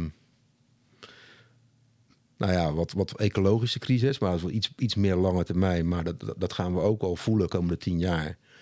Waterschaarste, voedselschaarste door extreme weerevenementen. eh, wat betekent dat voor migratie? Eh, oorlogen, conflicten. Wat betekent dat weer voor migratie, ook voor Europa? ja. Dus het Midden-Oosten, Afrika, noem maar op. Ja, het is. ehm, dat, dat is korte termijn, denk ik, de grootste zorg. Eh, radicalisme ook wel. Dus ja, extreem links, extreem rechts. eh moslimterrorisme. Ja, dus alle vormen van extremisme zullen- nog een tijdje een rol spelen. Ook in Nederland, denk ik. Alleen andere landen zullen daar meer last van hebben, denk ik, dat wel. Mm, Wat zie ik nog meer als probleem? Eh, nou ja, economisch, economisch denk ik dat we gaan. Ja, eh, daarmee heb ik misschien wel een fout gemaakt in april. Alles is uitgekomen, maar daar heb ik misschien een fout gemaakt. Dat ik zei van er komt een grote economische klap aan. mhm. En dat lijkt nu enigszins mee te vallen, maar ik ben eh, ook volgens die rapporten. Maar ik ben nog niet overtuigd. Ik denk dat de grootste klap dit jaar komt en het jaar daarop. Qua faillissementen en. Ja. Want al die bedrijven, ondernemers, ja, eh, belastinguitstel, eh, Ja. dit, dat. Nou, eh, Er wordt heel veel levend ja, gehouden. wat ja, eigenlijk ja, dat, ook leningen, uitstel van huur, weet ik van. Nou, het, het is, ja, het is natuurlijk heftig, heftig. En het gaat. En daarna komt er nog die bezuiniging, hè, die 100 miljard van de, hè, wat we nu hebben gebruikt. Ja. Dat moet ergens worden teruggedraaid of terugbetaald op een gegeven moment. Ja. Hoe gaan we dat doen? Dus er zit een economisch, financieel, eco- economi- economisch vraagstuk. Crisis aan te komen. Ja, hoe dat uitpakt. Dus er kan een ja, implosie komen van de, dat hele systeem. Hè, wat je natuurlijk al jaren hoort. Dat, dat zou kunnen. Waarom? Eh, we hebben een alcoholist eh, tien keer meer alcohol gegeven tien jaar geleden. Hè, dat is de financieel-economische crisis 2008. Ja. Dus nog meer geld drukken en eh, obligaties, et cetera, opkopen. Door de centrale banken. En nou ja, op een gegeven moment, ja, dat, dat, dat kun je niet handhaven. Hè? Klaas Knot zegt het ook al jaren, maar ook Klaud Wellink. Nou, af en toe praat ik met hem meer over. Zegt van ja, we zitten nu in, in een ja, onvoorzien uh, gebied. We weten niet waar dit eindigt. Het is heel ongrijpbaar. Dus het kan zijn dat, dat nou, de gekte die je nu ziet, hè, bitcoin, uh, aandelen, mar markten, uh, koersen, maar ook huizenprijzen, dat is niet sustainable. Nee. Op alle, alle fronten niet. Nou. Dus daar komt de correctie aan. En de vraag is even, hoe groot wordt die correctie? Nou, ik hou me hard vast. Een monetaire correctie. Ja. Ja, dat, dat, dus, en vervolgens, kijk, die inflatie. Mensen zeggen van, ja, hoe kan het nou? We drukken geld en er is geen inflatie. Dan zeg ik, hallo, onder welke steen leef jij dan? Heb je naar de huizenprijzen gekeken? Heb je naar de aandelenkoers? Heb je naar Bitcoin? Ja, de, het gaat natuurlijk allerlei gekke dingen nu. Ja. Uh, dus er is inflatie. Maar die inflatie die komt op een gegeven moment ook in de reële economie. Dus de echte wereld. Ja. Dat is gewoon een ja, monetaire, fiscale, uh, monetaire, in dit geval monetaire werkelijkheid. Maar, of wetmatigheid. Dus, en die wordt verwacht over twee, drie jaar. Uh, dus nu, nu nog niet. Ja, en dan, dan wordt het heftig. Want dan kan je zelfs naar stagflatie gaan. Hè? En wat houdt dat in? Nou, stagnatie en inflatie tegelijk. Dus dat is uh, in de jaren zeventig, ja, dat wil je niet. Hmm. Zeker niet in een wereld die, die sociaal-cultureel, politiek al heel beladen is. Samenlevingen, nou, zoals nu. Noem eens een concreet voorbeeld wat dat dan inhoudt. Wat gebeurt er dan? Nou, dat, wat wil ik daarmee? Nou ja, dat, dan, de, de, inflatie gaat omhoog. Hè, dus ook de dingen die we ook dagelijks consumeren. Hè. Uh, of de meeste producten en diensten. Ja, uh, je inkomen blijft gelijk. Want ja, de economie stagneert. Hè, Ja. Dus uh, het bruto nationaal product, dus ook inkomens. En nou, de groeit daar binnen. Dus dat blijft constant of wordt minder. Ja, dan krijg je onrust. Want je besteedbaar inkomen wordt gewoon minder. Ja. Nou, uh, als iets belangrijk is voor stabiliteit, is het dat het mensen brood en spelen hebben, vooral brood. Ja. Dus dat wordt, dat wordt gewoon echt een dingetje, denk ik. Uh, en dat weten ze ook wel, de, de, de elite. Maar ja, er is geen, het lastige hiervan is, er is geen eenvoudige oplossing. We zitten nu op een pad door de laatste twaalf jaar. En we konden toen ook eigenlijk niks anders. Hè. Mm -hmm. Alcoholist nog meer geld, nog meer alcohol geven door in dit geval de scheld te drukken, hè, als metafoor. Ja, en dan zit je, we zitten nu op een pad wat historisch ongekend is. Mm. Nou, denk aan de Great uh, Reset, hè. dan monetair, waar uh, Willem Middelkoop uh, natuurlijk al veel over gezegd heeft. Ja, wij weten niet een e eenvoudige oplossing. We moeten ergens pijn gaan nemen. Linksom of rechtsom, dat zeker. Ja. En de vraag is wel even, wanneer gaan we die, die pijn pakken? Ja. Hè, over tien jaar of over, over drie jaar? Of hebben we überhaupt nog een keuze? Ja, dat zijn wel belangrijke vragen, ook voor mij. Ja. En dan komt een... Uh... Uh, een, uh, ja, noem dat? Een universeel inkomen. Dat ook vaak als oplossing wordt. Dat wordt eigenlijk als oplossing geschetst ja. voor, dit, voor dit gedoe. Wat eraan zit te komen. Ja, dat is een goed uh, punt. Nou, met, de buitenboord, met de buitenboordmotor heb ik daar toen lang over nagedacht. voordat we dat überhaupt begonnen. met Simone, Simone Heidema en de Van We zien daar tien componenten van sociale cohesie. De sociale cohesie is een heel complex systemisch vraagstuk. Nou, tien componenten. Ik ga ze niet allemaal noemen, maar even de belangrijkste zijn wat, wat, wat mij betreft. Uh, uh, een, een van die onderdelen is basisinkomen. Nou, wij geloven dan in, in een conditioneel basisinkomen... dat je er wel jezelf blijft ontwikkelen inhoudelijk... Hè, met mm. gratis of goedkope trainingen, et cetera, maatwerk persoonlijk. Uh, plus een negative tax income. Dus als je geld verdient met boven het basisinkomen... word je niet gelijk gepakt financieel. Word komt er? Boven, komt, komt er bovenop. Hè, om mensen incentives te geven om te werken. Ah, oké. Okay. dus dat geeft ook zingeving, noem maar op. En trots. Nou, uh, dat, is, dat, dat is één. Dus dat is nu nog niet betaalbaar, de basisinkomen, maar over een paar jaar wel, over tien jaar. Um, als je nieuwe technologieën omarmt en alle systemen goedkoper maakt. Hè, dus ja. zorg, onderwijs, nou, ga ze maar door. Het tweede is, uh, uh, even goed nadenken, ja. Je moet het onderwijssysteem moet je opnieuw uitvinden. Nou, dat gebeurt nu binnen de buitenboordmotor. Dus meer, veel meer holistisch onderwijs, toekomstvast.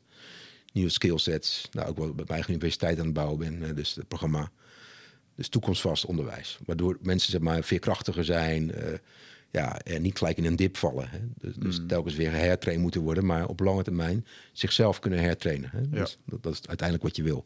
Vanuit Ikigai en Purpose. Dus als onderwijs, het vernieuwen van onderwijs, toekomstvast. Niet uh, het archaïsche systeem van 200 jaar geleden. Het derde aspect is het stimuleren van uh, ondernemerschap. Op alle niveaus van de samenleving. Meer dan nu. Dus TechLeap, Constantijn, hè, maar dan nog grotere schaal. Het vierde is uh, het intensiveren van de deeleconomie. Want dat maakt de prijzen goedkoper en ook weer een extra inkomstenbron voor een aantal mensen aan de onderkant van de samenleving. Maar dat moet je wel beter eh, juridisch dichttimmeren. Dat dat niet te veel eh, sla- nieuwe slavernij is, zoals het nu is. Dus beter betaald, meer rechten. En dan nou, ja, een ander aspect is, eh, even kijken, sociaal cohesie. Ja, sociaal cohesie heb ik in China geleerd. Zelf. Maar ik ging op een gegeven moment kijken van... hé, hey, hoe zit het nou met het voedsel hier? En nou, ik heb iets van twintig eh, steden in China eh, mogen ervaren afgelopen 25 jaar. Hoe zit het met eh, taxis? Hoe zit het met Uber? Didi? Hoe zit het met, hoe zit het met voedsel? Hoe zit het met wonen? Hoe zit het met al, gewoon alle basisdingen? Mhm. Nou, wat blijkt nou, door eigen onderzoek, was twee jaar geleden, denk ik, ja, dat alles wat mensen verbindt, is daar een factor 5 tot 10 keer goedkoper op, op koopkrachtniveau dan Nederland.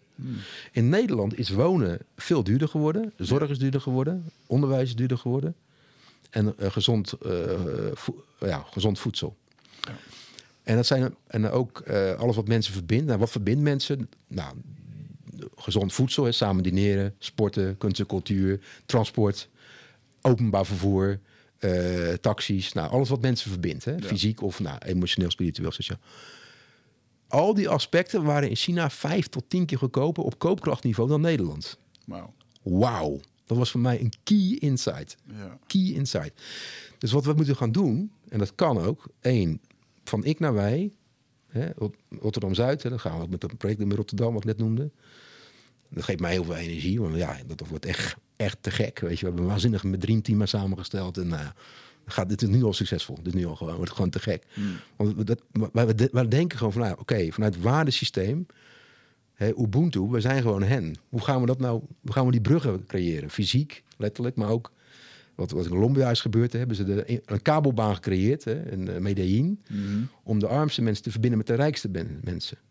En natuurlijk moet je dat wel met allemaal een raamwerk om dat te begeleiden, maar daardoor kregen die mensen hoop. Ze kregen de hoop om van, oké, ja, we kunnen die kant op, we kunnen verbinden. Nou, en wat je dus moet doen, is op al die niveaus, alles wat mensen verbindt, mo- verbindt moet je gaan subsidiëren, goedkoper maken. En die nieuwe technologieën maken dat ook mogelijk. Hè, om het schaalbaar te maken en me- me- me betaalbaar. Hè, eh, en, en dat is de stap die we moeten gaan maken met z'n allen. Dus in die zin kunnen we ook weer China van leren. Van, eh, ja, hoe zij die cohesie waarborgen. Ja.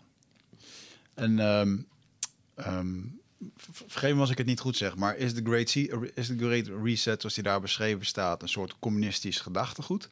Want Ja, communistisch ja en nee. Kijk, de communisten, eh, die hebben allerlei flavors, wat ik al zei. Hè. Het is niet één, één stroming, het is allerlei uh, grijs tinten.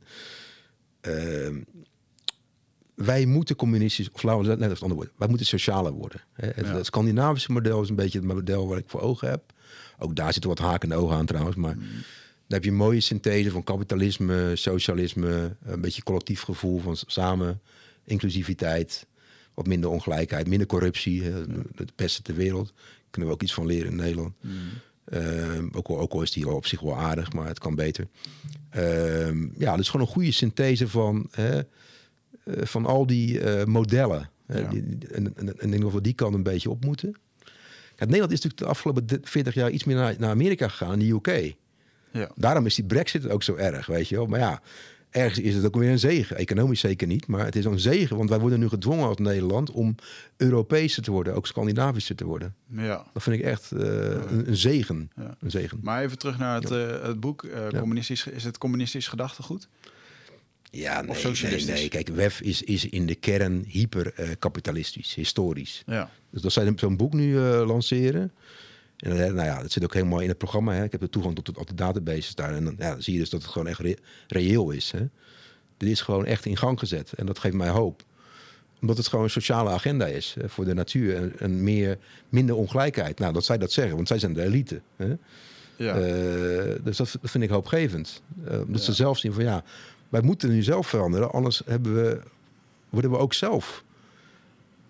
eh, hebben, krijgen we daar last van als mens. Als leider ook. ja, goed. De elite Opstand. kan ook niet zonder zuurstof en zonder natuur. Ehm, Exact. Ehm, en er zit ergens iets in mij wat zegt van ja, maar ik wil niet dat iets van hogere hand af mij loopt te bepalen hoe of wat. Maar ik zelf kan het ook niet bepalen voor de anderen. Ehm, kan alleen maar voor mezelf natuurlijk. Dus ik snap Ja, wel dat dit- mensen zijn nu wakker. Denk aan Trump nu. Denk aan het kapitool. eh, ja, eh, ze zijn in Europa niet gek. Eh, het is natuurlijk naïef om te zeggen van... joh, ja, dat komt, dat komt nooit in Europa.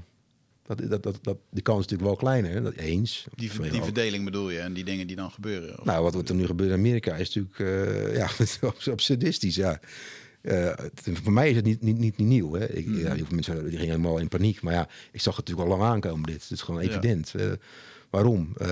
Ja, Van Bavel heeft een mooie een econoom, Oxford in Nederland, heeft een mooi boek over geschreven, The Visible Hand.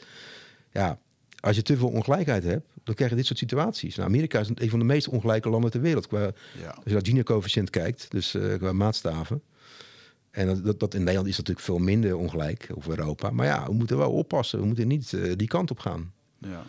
Dus dat, ehm, ja, ik zie het als een, eh, net zoals corona is een, een, een, een, ja, een weak signal, Hmm. of een, een strong signal eigenlijk. Hetzelfde geldt voor de, de politieke toestanden nu in Amerika. Het zijn signalen van, ook voor Davos en WEF, om de koers te wijzigen, versneld. Ja, ja, ja, ja. ja. En, en ehm, de, de term eh, you'll own nothing and you'll be happy, wat bedoelen zij daar precies mee in jouw ogen? Wat betekent dat ik niks, niks meer eh, eigen, dat ze straks mijn huis afpakken? Ja, dat weet ik niet. Dat moet je even toelichten. Dat is voor mij... eh, Ja, dat is een, een van de slogans uit het Great Reset verhaal is you'll, eh, you'll own nothing, eh, eh, you'll be more happy. Ja, dat, dat, dat, is, dat klinkt... eh, ja, dat is interessant. hè. Dat is een interessante. Aan de ene kant heeft dat te maken met de deeleconomie. Hè, wat natuurlijk al eh, sinds 2008 eh, ja, gro- blijft groeien. Dat heeft voor, voor- en nadelen. Dus eigenaarschap of toegang, hè, wat wil je? Of dingen lenen, hè, eh, Ja. rente. Nou, eigenaarschap, ik weet niet of het zo bedoeld is hoor, maar eigenaarschap heeft ook een groot nadeel. Hè, ehm, nou ja, dus mensen die dan gewoon stranden eh, privaat ko- opkopen, weet je wel.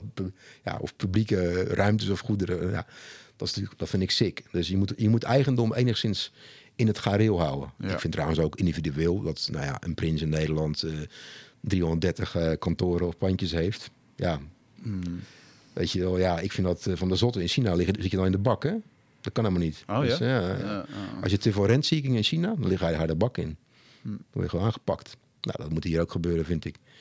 Dus eh, ja, althans, je moet in ieder geval... Dit soort excessen hè, van eigendom moet je enigszins eh, normaliseren. Ik ben niet tegen eigendom.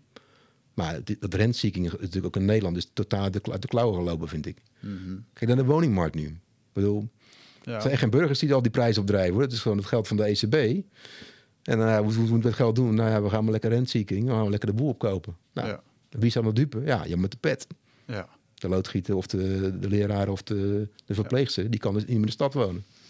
Nou, ik vind dat een ongezonde situatie. Dan kies ik voor de onderklasse. Of de, kies ik voor, voor het volk. En niet voor de, Mhm. de rijke stinkers, zeg maar.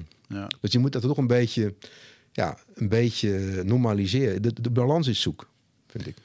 En eh, bij zo'n monetaire reset, dan zou op een gegeven moment betekenen dat we eh, mensen hebben schulden, kunnen het niet meer betalen, landen hebben schulden, kunnen het niet meer betalen. Ja, Dan moet dat op een bepaalde manier eh, vereffend worden met elkaar of kwijtgescholden worden.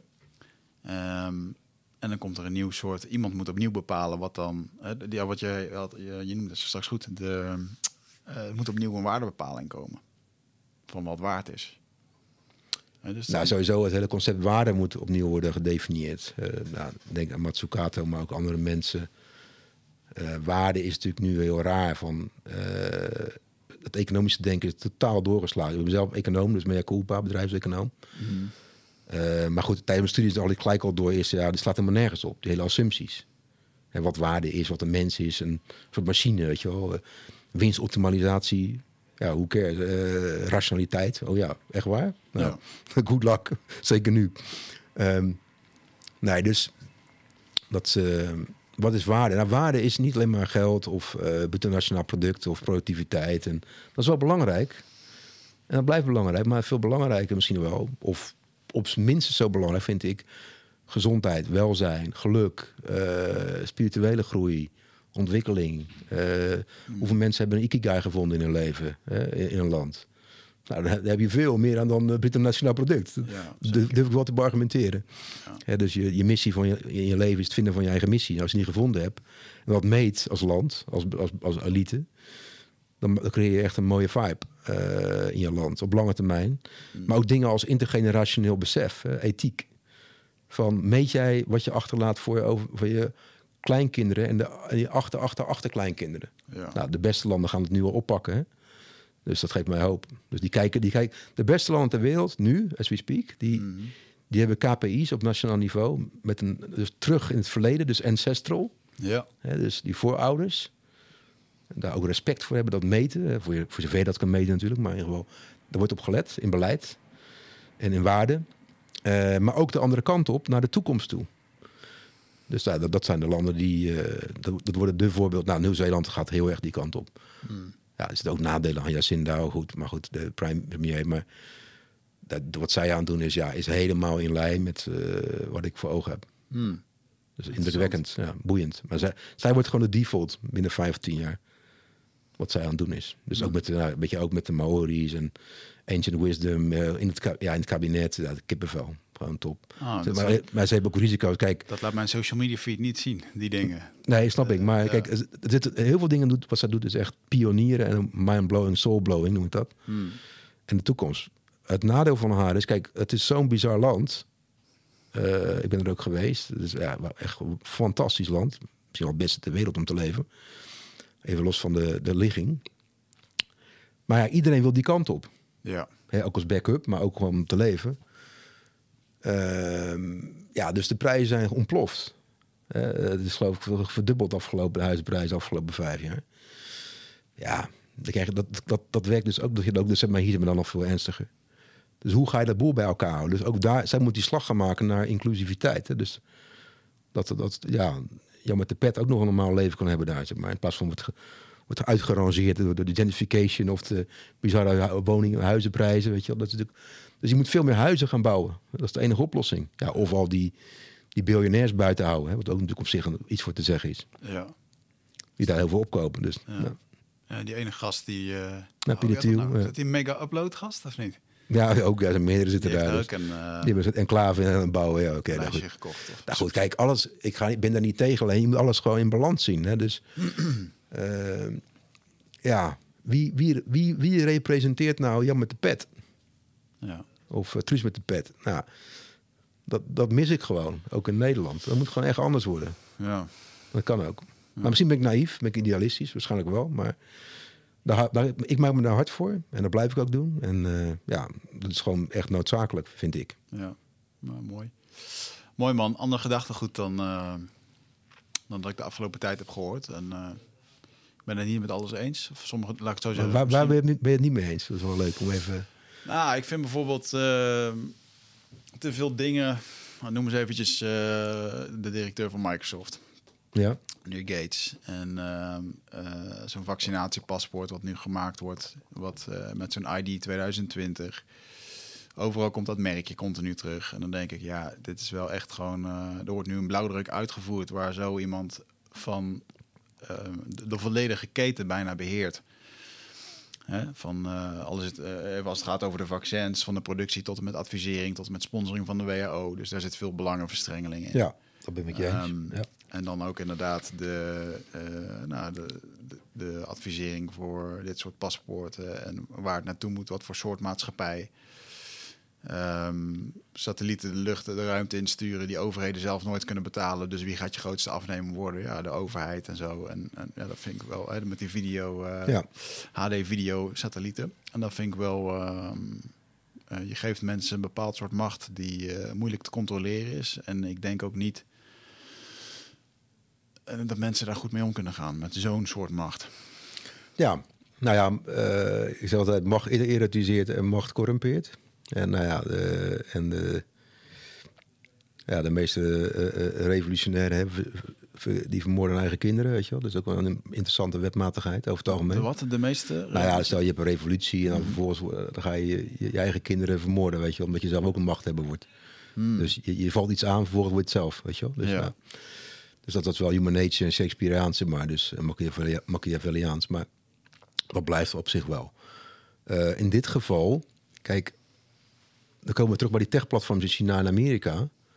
Een bruggetje naar Gates. Nou goed, ook een techplatform in die zin. Maar goed, dat zit natuurlijk al, al een tijdje op afstand met zijn foundation.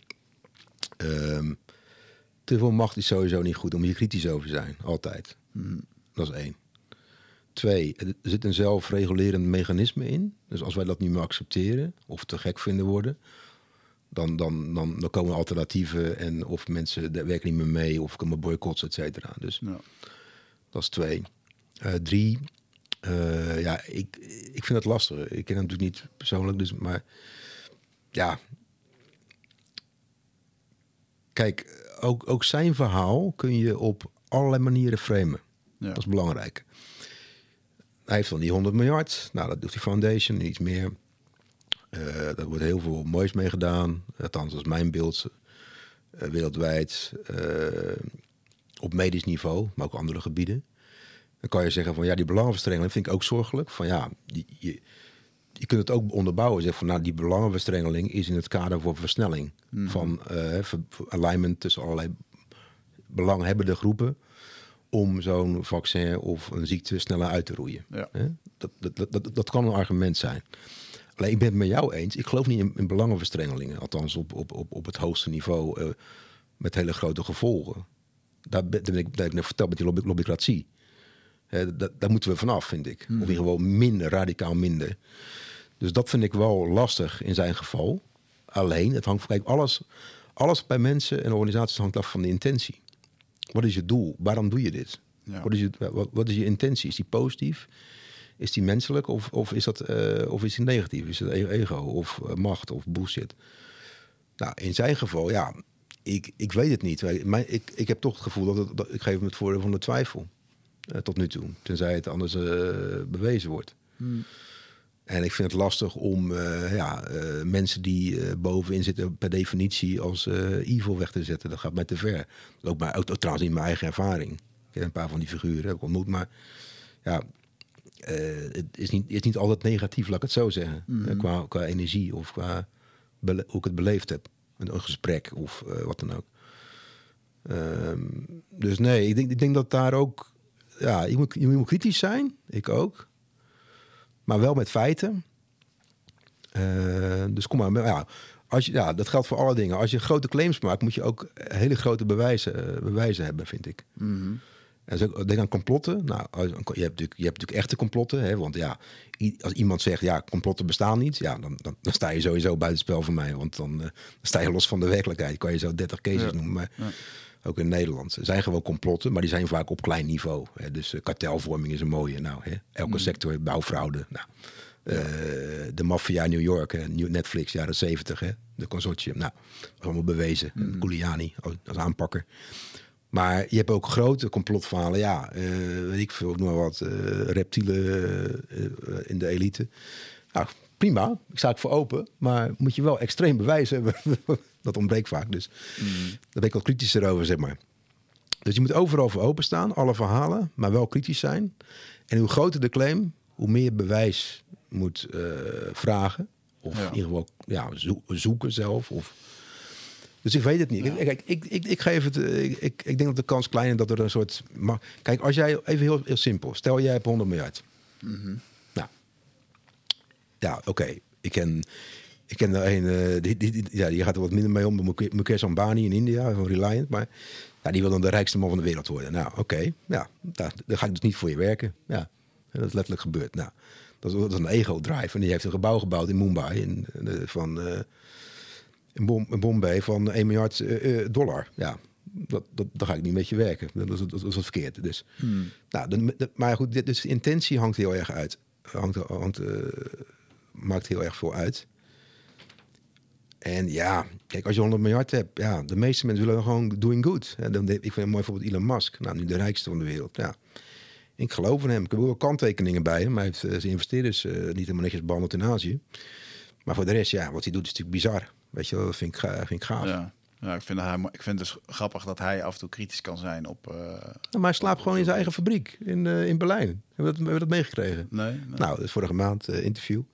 Hij is natuurlijk de, de, batterijfabriek aan het bouwen in Berlijn, hè, Duitsland. En nou, dat wordt nou opgebouwd en dan slaapt hij gewoon in die fabriek op, weet je, ooit. Ja, Nou, dat vind ik gewoon, gewoon heel mooi. Maar ook, ja. Eigenaardige gast. Anders Maar het is ook interessant, hè? want als je dus kijkt naar zijn interviews, en dat, dat zegt wel iets, kan ook een beetje propaganda natuurlijk zijn, een framing, maar, of een mediatraining, maar bij hem voelt het wel anders. Ik vind, ja, die- bijna alle vragen gaat niet over zijn ego antwoorden. Echt bizar. ja. Dat is mooi. Ja, ik vind hem ook daarin apart. En wat vind ik, hem, ik vind sowieso een apart gast. Ik denk dat hij ook een, soort- een vorm van autisme heeft. Waar Ja, ja. misschien moet dat ook wel als je zo wil denken.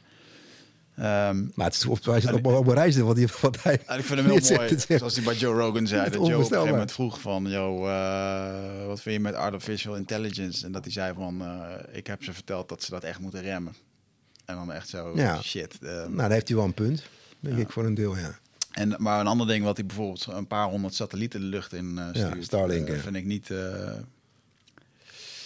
Eh, eh, dat wordt allemaal gewoon gedaan. Ehm ja, André Kuipers die hebben we hier ook gehad. Die uitte daar ook zijn zorgen over. Dat, dat dat soort grote bedrijven dat soort dingen gewoon doen. Ja, wie heeft daar regels over? Of wat doet dat? Al die straling met bijen, met dingen. Ja, Dat heb je, goed, eh, heb je een goed punt. Heb je een absoluut een goed punt.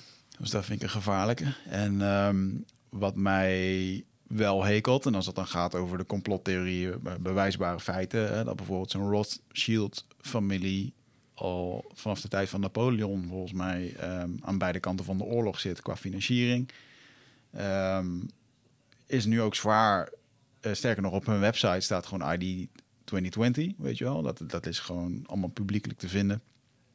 En dat soort families die daarmee eh, zo verweven zitten. En ook iedere keer het Microsoft-logo daarin terugkomen. En dan, ja, dan als ik dan terugkijk naar de geschiedenis van... oké, waar zijn deze partijen mee in aanraking gekomen? Dan denk ik, ja, dit is, ehm, ehm, dit is de elite die de regeltjes bepaalt.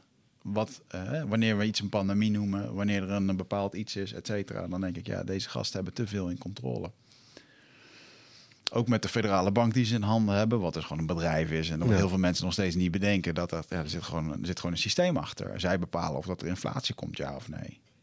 En daarin denk ik wel, wow, er is dus echt iemand die straks kan bepalen van oké, ehm, het is nu klaar dit systeem. Ehm er gaat nu inflatie komen. Eh, dat zou kunnen, dat weet ik niet zeker. Maar eh, dat vind ik lastig. Ehm, eh, ik heb natuurlijk zelf geen ervaring mee, één op één. Dus dat, is- één. Dus ik ken die verhalen natuurlijk. Maar het, het is denk ik wel plausibel dat er eh, ja, wat, wat, wat oude families zijn in de afgelopen eeuwen. Die wel eh, ja, bovengemiddeld veel invloed hebben, laat ik het zo maar even netjes zeggen. Ja. Ehm, en dat weet ik ook wel in, via indirecte manieren. Dus dat, eh, dat gaat wel ver, ja. ja. Ja. En, Dus ja, Ja, kijk, het, het- in, de, in de essentie is ja... Je kunt gewoon ineens je geld kwijt zijn. Hè? Dat weet ik, je kan gewoon ineens je geld kwijt zijn, ja. Ja. Dus, eh, Als een bank gewoon in één keer... eh, nou, daar gaan we heel erg diepte in. Maar ik heb dit, dit verhaal iets te vaak gehoord van mensen die dat echt eh, zelf hebben meegemaakt. Dus, Mhm. of, of werd bedreigd, zeg maar, op die manier. Dus dat is wel zorgelijk, ja. Oh, wauw. ja. Ja.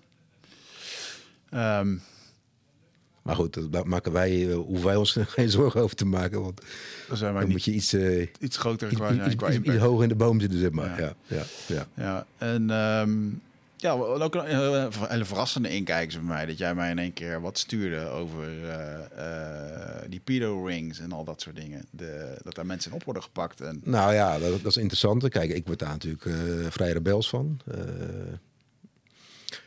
En dan moet je niet gelijk eh QAnon, maar dat, dat, dat, dat, dat zie je vaak. Hè. vaak eh, wat je vaak ziet, zeg maar historisch. Er is een probleem op een gebied. Een groot geheim, laten we zeggen. Of een geheim. Nou, wat zie je dan? Dan eh, wordt dat een tijdje sti- stilgehouden. En dan ineens, ja, wat, wat is nou de beste manier om... iets wordt openbaar gemaakt door social media, internet, et cetera. Mensen gaan lekken. Nou, de beste manier om iets eh, in te dammen is door de waarheid te zeggen, maar het zo eh, ja, bizar, ja, absurdistisch te maken, ja. dat iedereen die het ook maar aanstipt, ook met de goede intenties en feiten, wordt gelijk al gedecimeerd Ja. als complottheoreticus. Ja. Nou, dat gebeurt. Dat kan ik ook aantonen. Dus, eh, dat, is- dat vind ik zorgelijk. Kijk, kindermisbruik, satanisch kindermisbruik ook. Het komt niet veel voor, denken we. Maar de feiten liegen er niet om. Ook in Nederland. Sanne Terlingen, die ken ik ook. Die heeft er onderzoek naar gedaan. Nou ja, eh, hè, met NPO, hè, dus eh, Argos, eh, Radio 1. Dus Ja. nou, zogenaamde mainstream media. En VPRO, dus allemaal klassiek. En nou, dat heeft wel heeft een plek gekregen. Dat is twee jaar onderzoek. En dat loopt door. Nou, dat ligt er niet om. En dan raad iedereen even aan. Ga even kijken. Googelen op Argos, Radio 1. Ja. Sanne Terlingen, eh satanisch kindermisbruik in juni vorig jaar. Dat is toch wel eh, enigszins alarmerend, als ik het even eufemistisch mag uitdrukken. ja. Nou, dus dat, dus kanon, QAnon-verhaal is natuurlijk eh, zwaar eh, opgeblazen, maar zijn gewoon. Gewoon een eigen verhaal geworden door, Nou, door er- internet. Er, er- er is gewoon wel een, een, een, een, een, een, een geheim, zeg maar, wat, nou, wat nu steeds meer exposed wordt. Alleen ja, niet op die schaal. En niet zo, absurd, niet zo krankzinnig absurdistisch. En dat moet gewoon boven water komen. En dat komt ook boven water. En dat geldt ook in Nederland. En er zijn ook heel veel cases niet echt goed opgelost. Ja. Eh, of in Europa. Daar heb ik mijn neus wel in gestopt. Maar nou, een van de dingen is Bende van Nijvel. Nou, dat heeft mij natuurlijk enorm gevo- gevormd in mijn jeugd. Want nou, ik leefde in een soort sprookjes Disney, Disney-wereld. En Moet je mij even helpen. De bende van? nou, Bende van Nijvel, dus dat was van 1903 tot en met 85. Mhm. Dus ik leef natuurlijk in een soort Disneyland als, hè, als jong, eh, jong pikkie. En op een gegeven moment zie ik op het journaal eh, mensen werden vermoord zonder enige reden in supermarkten. In België. Oh, Nou, dus daar, daar ben ik, heb ik heel, heel veel energie in gestopt om dat helemaal uit te vogelen. Dat heb ik wel redelijk op een rijtje. En vervolgens ga je dus al naar andere dingen kijken. Dus, eh, nou, zo bijvoorbeeld Dutroux. Marc Dutroux, hè, 95. Nou, ook wel een dingetje. Eh, nou, dus ook eh, kinderen, ja. eh, dus, nou, een beetje oud, zoals Jeffrey Epstein, maar dan iets gekker. Maar wel kleiner. Althans, lijkt het. Er zitten ook heel veel haken en ogen aan dat verhaal. ja. Dus wat je vaak ziet, je hebt iets wat ernstig is.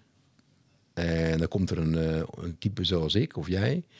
Die stopt zijn neus ergens in, hè, een journalist of een onderzoeker. En dan die komt dan te dichtbij en dan ineens wordt hij eraf gehaald. Heel interessant. Mhm. Dat is 90% van de gevallen aan de orde. ja. Kan ik allemaal bewijzen. Ja, een groot voorbeeld daarvan vind ik Adam Curry. Ja, interessant. Ja. Eh, Ook bij Joe Rogan, die heeft ook een paar leuke dingen gezegd. Ja. Dat hij Ja. gewoon over die Joris En vervol- vervolgens is hij bij de tweede af- aflevering is die, eh, de Spotify gecensureerd. Interessant. Ja, Ja, is dat zo? ja, ja, ja, interessant. Ja. Oh, ik dacht dat hij niet Ja. Ja. gecensureerd mocht worden door Spotify. Nou, is het is wel, duik er maar even in. Maar hij, hij, hij weet ook wel veel. Maar ja, kijk, de essentie is, er zijn natuurlijk geheimen. Nou, als je daar je neus in stopt, dan eh, op zich prima. Maar ja, de, de, de- er is natuurlijk, ja, je krijgt gewoon tegenwerking, ook in Nederland. Een aantal dossiers afgelopen 40 jaar. Nou ja, ik heb er al één genoemd. Ja, dat, dat is natuurlijk wel bizar. Hè? Dat, eh, je wordt ook, ook gewoon geïntimideerd en bedreigd, hè? Als je daar je neus in stopt. Dus Ja. eh, dat, dat, nou, daar moet een keer een onderzoek naar komen. Ja. De bedreiging als op zich, hè? Wat, en de patronen daar, daar, daarbinnen. Ja. Dus er is blijkbaar toch iets te verbergen. Ja. ja, ook binnen de politiek dat, eh, dat er nu uh, die meldingen zijn dat Ru- Rutte expliciet heeft gemeld om ergens je neus niet meer in te steken. En, Ja, maar dat zie ik wel op een ander niveau. Kijk, Rutte, dit, dit vind, ik, vind ik ook zorgelijk. Hè? De Rutte-doctrine, noem maar op. mm. Maar dit, dit is wel een hele andere orde. Dit, Eh, heb is ook ernstig, maar dat, waar, waar ik het over heb is veel ernstiger. Mm. Jeffrey Epstein bijvoorbeeld ook. Nou ja, dat, dat is echt, daar gaan we nog heel veel over horen de komende jaren. Dat voorspel ik. Ja, want eh, ik had het Ja. dan eventjes over meneer Demming, die eh, ook een soort van eh, de hand boven het hoofd wordt gehouden hier in Nederland. Ehm, Ja. Maar goed, dat, ehm, ik moet heel eerlijk zeggen dat ik daar ook zelf te weinig van af weet. En Epstein, ja, ik heb die documentaire zitten kijken met verbazing, man. Ook, ook een soort van, wauw, bestaat dit? Weet je wel? Ja, bizar, ja. Ja. Nou, de essentie is wat Erik Weinstein ook zei. Die is trouwens ook eh, even op, z'n- is op, zijn vingers getikt. Want eh, bij de laatste keer bij eh, Lex Fridman was hij wel een toontje lager aan het zingen. Dus die heeft ook van boven op zijn flikker gehad. Laat ik het Ja? zo maar even zeggen. Ja, dat, dat kun je gewoon zelf beoordelen.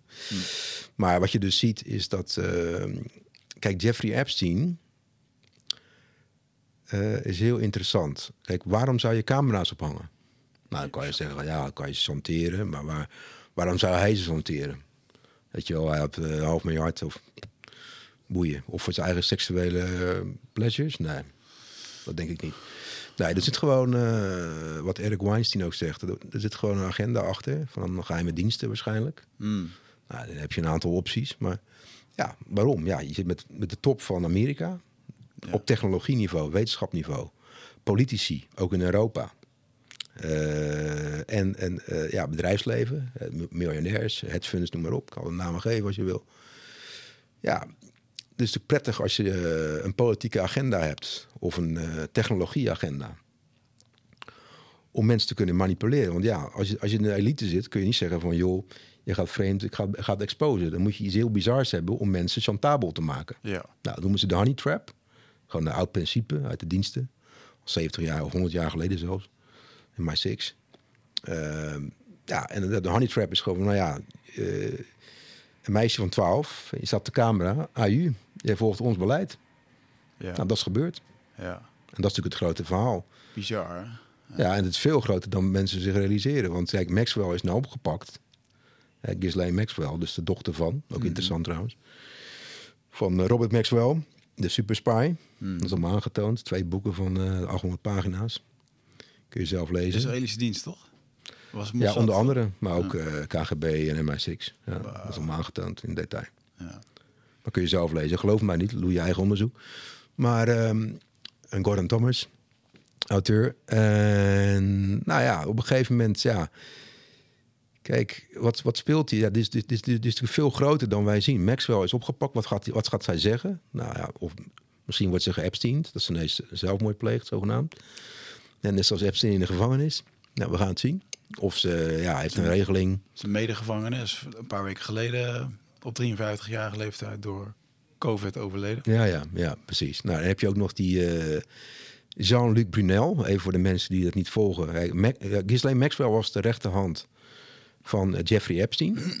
Eh, al sinds trouwens, ze kennen elkaar sinds de jaren tachtig. Haar vader heeft haar geconnect met Jeffrey Epstein. En eh, toen is dat in de jaren negentig begonnen eigenlijk. Hele Epstein-gedrag. Eh, dat heeft 30 jaar geduurd. En Jean-Luc Brunel was de, de initiator van modellenbureaus. Eerst Tel Aviv, later ook eh, nou ja, Parijs, Londen, maar op. Om dus eh, ja, jonge meiden eh, te recruiten, zogenaamd voor modellenwerk. En die werden dan doorgestuurd naar een van de eh, ja, resorts van Jeffrey Epstein. Met alle gevolgen van dien. Wat ook bizar is. Nou, die jongen is opgepakt. Wat gaat die zeggen? Nou, die wordt waarschijnlijk ook binnenkort... eh, gaat hij aan de zelfmoord. is mijn inschatting, maar we gaan het volgen. Maar te veel zelfmoord wordt ook weer lastig natuurlijk. Dus we moeten iets anders op verzinnen.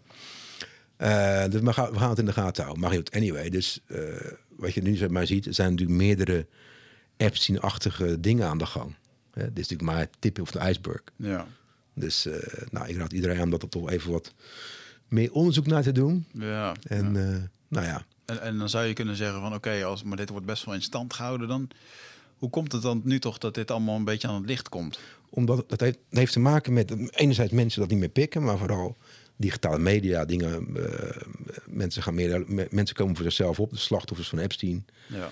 En Me Too en terecht, hè, dat hadden we wel eerder moeten doen, maar goed, het is nu een moment. En dat zien we eigenlijk, eh, alle mensen die, die, die benadeeld zijn, ook groepen mensen, die komen nu op. Ja. Het is de nieuwe jaren zestig, hè? In die zin, en dat daar ben ik heel enthousiast over. Het wordt gewoon, ja, het is, het is ook een domino-effect. De een beïnvloedt de ander. Dat geeft elkaar vertrouwen. En je hebt digitale media om het te versnellen.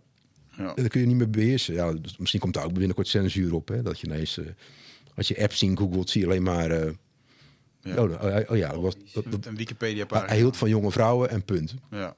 Niks over de camera's, niks over de diensten, weet ik veel allemaal. Nou, dan moeten we ons echt zorgen gaan maken, ja. Ik denk dat we wel die kant op gaan. Ja, vrees ik. Als wij niet eh, met z'n allen een beetje wakker worden en van joh... eh, ja, gewoon toch ook, ook wel een koersverandering eh, eisen. Ja. ja. Mooi man. Volgens mij hebben we er bijna drie uur op zitten. Ik zou het niet weten. Ja. Ehm, je gaat nog een nieuw boek schrijven. Ben ik al vijf jaar bezig. bezig, maar blijkbaar. Ah, wanneer denk je Endpoint? eh, Nou ja, dit, dit jaar is nu wel een goed jaar, want corona is dan voorbij. Tijdens corona een boek lanceren is, eh, tenminste, ik, ja, jij hebt het gedaan. Maar, Eh, ik, eh, ieder zijn eigen pad. Ik wil ook gelijk wel echt doorpakken. Door gewoon fysiek energie te geven. Ja. Ehm, dus ja, we gaan het zien. Kijk, ik, wat, wel, wat wel grappig is, ik ben nu met allemaal projecten bezig, ik heb je verteld. Waarbij ik eigenlijk het boek implementeer. Mhm. Goed, dat heeft een voor- en een nadeel. Het kost me weer tijd natuurlijk. Maar meer tijd om het af te ronden. Maar aan de andere kant heb ik wel weer mooie, eh, mooie, mooiere cases. eh, eh, om mee te nemen in het boek. Ik denk dat het wel krachtiger is. Het is, het is een heel persoonlijk boek. Dus ook dit, dit gesprek eigenlijk hè, zit er ook in, eh, eh, grotendeels, ja. En, maar ook business, het is wetenschappelijk, business, spiritueel en persoonlijk. Mm. Mooi. Dan heb ik een beetje te worstelen van, ja, kan je dat wel bij elkaar brengen? En ik van, nou, ik ga het gewoon doen. Ik geloof in alle vier, dus let's do it. Ja, mooi man. Hoopvol. Ik heb, eh, nou laat ik het zo zeggen, ik heb een soort weegschaal in me. Die is nu iets meer eh, Oké. balans. Oké.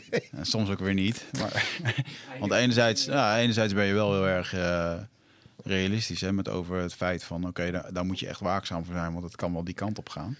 Ja, er zijn, er zijn krachtenvelden. Kijk, die gaan boven, ver boven ons eh, pet. ver, ver boven. Dus Ja.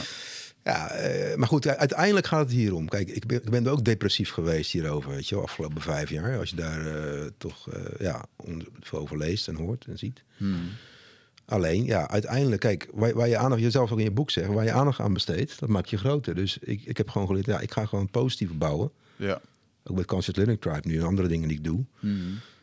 of heb gedaan recent. En dat, ja, dat geeft gewoon positieve energie. Dat is beter voor jezelf. Ja. Hè? En ook voor de wereld, maar ook vooral voor jezelf en je naasten. Ben je gewoon een leuke mens. Je, vibe, je vibe is gewoon fijn. Zeker. Ja. En eh, ja, ik vind wel, het is goed dat, dat je het weet, dat, dat ik het weet. Ik ben uit mijn Disney-paradijs gevallen. Ehm, maar ja, uiteindelijk, ja, je moet dingen eh, doen, vind ik, waar je controle over hebt. Want ja, ik heb daar geen controle over. Ik weet het, ik baal ervan. Ik vind het nasty. Eh, al die cases. Hmm. En doofpotten en gedoe. Eh, maar goed, ja, uiteindelijk moet je toch het positieve er tegenover stellen, waardoor dat krachtiger wordt met z'n allen. Ja. En die beweging wordt wel groot nu, dus dat is fijn. ja, zeker man. Ja, mooi. Ik hoop dat we daar met deze podcast weer een beetje aan bij hebben gedragen. Ik hoop het ook. Dus eh dankjewel dat je er was. En eh, we blijven elkaar volgen. Eh, dames en heren, zoek hem eventjes op. Jury van Geest. Ook volg hem op LinkedIn. Heb je nog je eigen website ook? Ja. Ja, ik moet flink even updaten. Maar. Nou, dan heb je dan twee weken de tijd voor. dus lieve luisteraars, tot de volgende keer. Dankjewel.